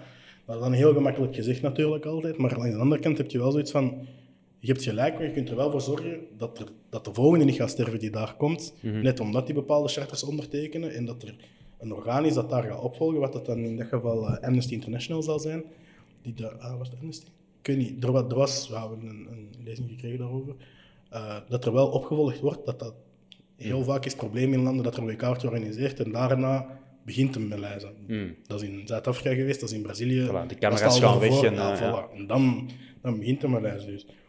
Als je nu een voorbeeld kunt stellen voor de volgende, ja, Amerika en Canada zal dan nog wel gaan, maar misschien Mexico in, in bepaalde mm. regio's, of zelfs Amerika in bepaalde regio's ook, mm. waarin dat je een voorbeeld kunt stellen van kijk, tijdens het WK zal het dit zijn, maar na het WK gaat het dit ook zijn. En er gaat wel opgevolgd worden, sorry, dat, u, ja, dat, dat, de rechten van de mensen worden gerespecteerd en, en, dat iedereen ja, een vrij beschikkingsrecht heeft. En, ik denk dat de slechte dingen jammer genoeg eenmaal gebeurd zijn, daar ja, niks meer aan kunnen veranderen. Dat je enkel maar in, in, positieve zin naar de toekomst kunt werken. Dat is een uh, politiekers antwoord. Uh, ja, dat is uh, media getraind. Ja. we zijn Twee jaar geleden zou ik iets helemaal anders hebben gezegd. Dat zo. de laatste vraag stel ik eens aan. Eentje om u uit uw kot te lokken. Welke jonge spelers van Antwerpen, zowel belofte als A-team, maken het de meeste kans om ooit geselecteerd te worden bij het A-team van de Rode Duivels? Dan moeten ze al een Belg zijn? Dat, ja, je kunt zo ver gaan als uh, dat te realiseren, maar... ja, ik denk ehm, momenteel... Balikusha zit al bij de belofte, dus mhm. die zal er niet ver af zitten. Um, zit er nog iemand bij de belofte van uh, de België? Arthur Vermeer, nee, dat is niet de belofte. Dat is nu bij de U17. Ah, er is nog naar te bezien, want dat is ook nog altijd een heel lange weg. Ik bedoel, zelfs als je een jonge beloftevolle voetballer bent, ik bedoel, iedereen kent wel een verhaal van iemand die dat heel goed kan voetballen en, en niet mhm. zijn potentieel heeft behaald. Dus uh, laten we hopen voor Arthur natuurlijk van wel. Ik weet dat er bij de U16 en de U15 zitten er ook een paar jongens. Dus uh, je kunt elke keer zo op de, op de website van de bond zien wie dat er in de selectie zit en met welke ploeg het is. Dus mhm. laten we ervan uitgaan dat bij de volgende internationale selectie iedereen van U15 tot U21 dat die het gaan halen. Dat was pas een politiekers antwoord. Ja, dat is... eh. Mijn, eh, mijn eerste keuze zal naar uh, België gaan. Als die weer voor België kiest, natuurlijk. Dat is uh, dubbele nationaliteit ook. Ja. Mijn keuze? Of, eh, Nee, ik weet Ja? ik, ja, ik geef naar u voordat we hier uh, gaan afronden. Ja, ik, ik, ja, ik hoop dan dat, ik, oh, dat we ooit een, een Simba mogen zien. Hè. Eh, Hopla. Ik hoop het ook. Dat is eh, ambitieus, denk ik. Ja, wel. maar Mag. Fantaseren mag.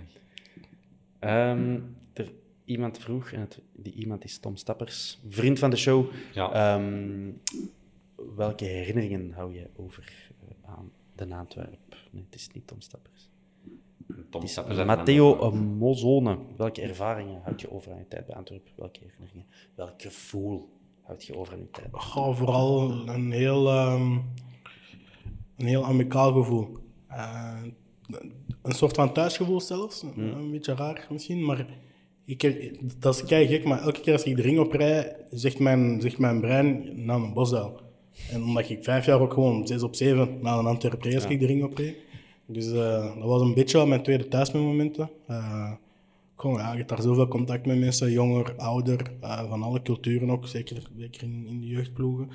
Dus je leert daar zoveel mensen kennen en, en je, hebt, ja, je, je, je ontwikkelt zo'n wederzijds respect dat je, dat je niet, niet moet ontwikkelen voor collega's, maar wel doet als je als je, je eenmaal ergens thuis voelt en als je op je plek voelt.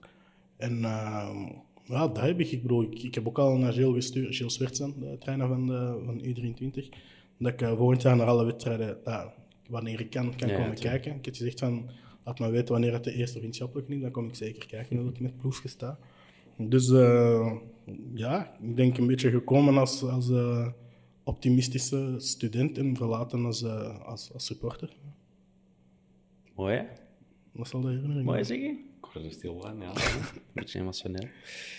Eh, Oké, ik denk dat we het wat gehad hebben.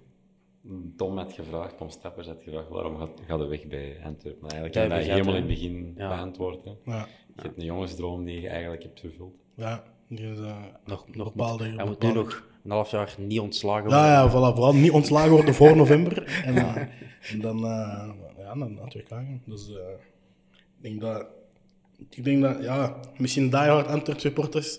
Ik heb dat ook een beetje, voor mij is altijd Milan boven al de rest in het voetbal. Dus ik kan wel snappen dat er mensen bij een Antwerp eh, werknemer zijn ook nog steeds, die zoiets hebben. Van, ik met Milan en Kim Bastijn bijvoorbeeld zoiets heeft van, een Antwerp komt boven al de rest. Ja. Wat ik ook helemaal respecteer. Maar ik ben nu helemaal niet van kinds af aan rood-wit opgevoed. Dus bij mij was het zoiets van, ik ben daar wel altijd heel graag geweest. En buiten deze kans denk ik niet dat er iets anders was geweest dat mij had kunnen, kunnen wegkrijgen bij een Antwerp. Dus eh, het is... Ja, ik, ik, ik, ik, ik denk niet dat het al is doorgedrongen dat ik daar weg ben, want... Ja, ik weet niet, dat, dat, dat is nog altijd een deel van jezelf, weet je. Het Dus, voelt misschien ook niet ver aan. Hè. Eh, Ik heb ook gezegd Ja. Antwerpen, je Voilà. blijft in die buurt. Allee, Ja, in ik woon, ik woon altijd in, in de stad. En, ja, als je de gazet open doet, is dat nog altijd een van de eerste dingen dat je ziet. Of het nu Vincent Janssens is, of Ja. binnenkort, wie weet, een Toby Alderweireld of een Dries Mertens. Vincent Janssens, maar precies niet, nog niet zoveel zien passeren dat nieuws. Dus, dus ja, je, je- ja toen dat je daar zat, dan sta je ermee op en ga ermee slapen. En nu is het, het passeert elke dag nog wel eens. Hmm. Ja, en als het over voetbal gaat in België, wordt Antwerp uiteraard altijd vernoemd. Dus ver weg gaat dat nooit niet zijn. Misschien moeten we afsluiten met een eh, voorspelling. Dat was ook een vraag op eh, Instagram. Zaartje Zaartje heeft dat gevraagd. Ja, ik kan dat ook niet Ja, Zaartje was bezet, dus dan zijn de Zaartje Zaartje Zaartje. Zaartje. Hoe zie jij het WK voor België in de Afrikaanse landen? Maar dat leidt ons misschien wel heel ver als je alle Afrikaanse landen moet gaan bespreken, maar eh, België. eh, Ik, ehm, heb, ik ben al drie maanden aan het zeggen dat we het WK gaan winnen.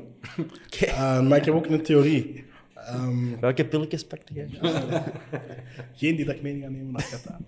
Nee, nee, maar ehm, mijn theorie is dat de Bruine eh, dit jaar waarschijnlijk geen ballon d'or krijgt omdat Benzema hem gaat winnen.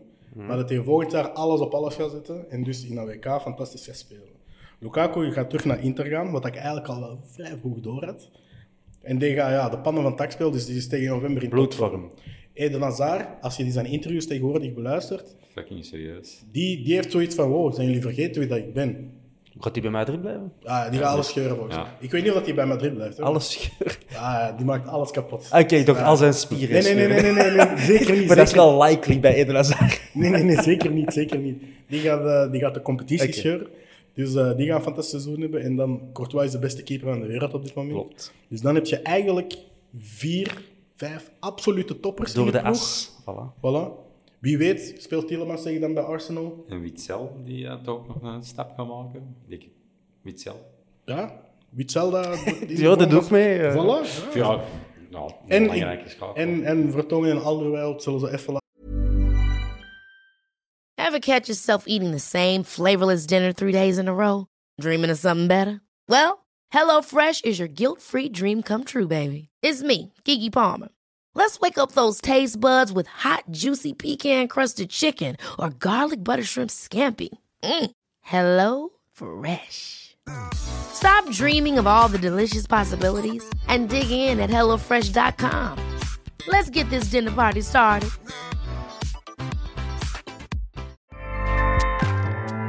ACAST powers the world's best podcasts. Here's a show that we recommend. The Real Housewives is a guilty pleasure for most, but if you're looking to not feel guilty about that pleasure, tune in to Everything Iconic with me, Danny Pellegrino, where I break down all the messy moments and behind the scenes antics of Bravo's popular franchise. And on Everything Iconic, I also interview celebrity guests like Kelly Ripa, Kiki Palmer, Drew Barrymore, Cameron Diaz, and more about their guilty pleasures, their past work, and so much more. So if you're pop culture obsessed and find yourself watching way too much reality TV like me, tune in to Everything Iconic with Danny Pellegrino wherever you listen to podcasts. ACAST helps creators launch, grow, and monetize their podcasts everywhere. ACAST.com. te bewijzen van alles wat dat je in de kranten over ons schrijft is niet waar. En wij zijn volledig klaar voor het toernooi zo goed mogelijk af te sluiten. Stel je voor, na de Afrikaans kampioen, de wereldkampioen met de, de wel Toby. Toby Alderweireld. Voilà. Het kan allemaal. Ja, voilà. Dus dat is de voorspelling. België wordt wereldkampioen in Ja. eh, 2022. Ja, in de finale die ze met 1-0 winnen van Frankrijk. Dat zou wel de ultieme revanche zijn. Ja. En Mbappé krijgt twee gele kaarten voor eh Schwalbes. Perfect. Dat heb jij gezegd, maar de rest, de rest dat, is, dat is allemaal juist. De rest is allemaal juist. Ja. Goed, Gilles. eh, merci voor uw tijd. Enorm En, eh, bedankt voor de uitnodiging vooral. Het was eh, heel plezant. Ja, ik heb moeten wachten tot je ontslag nam. Hoe lang hebben we... Eh, twee, uur- twee uur vijftig zit Goh, er, sterk, dat is mijn record. Voilà. Perfect, dankjewel. Ongedwongen. Ehm, ja, merci. Siggy, jij ook. Ja, jo- jongens, beide heren. Dankjewel. merci. Tot eh, Dankjewel. de volgende. Yes. Eh, hou ons op de hoogte eh, van alles. Zeker doen. Ik zal eh, proberen om de volgende keer als ik hier zit, zo met een eh, WK-beker naast mij te zitten. Dat zou mooi Ik zal vragen aan... eh, En een woordenboek, straattaal en... eh, Voilà, dus die- twee dingen. Ik ga mijn woordenboek en een WK-beker meenemen. Top. En dan zie ik jullie mid-december, nou, 18 december is de finale, dacht ik. Zoiets. Dus dan zie ik jullie rond 25 december. eh Voilà, ik kom een die keer eten, hè. special En een een keer special. WK-beker. Voilà. Dat gaan we doen. Merci, mannen. Dankjewel. Ciao, ciao. Ciao, ciao.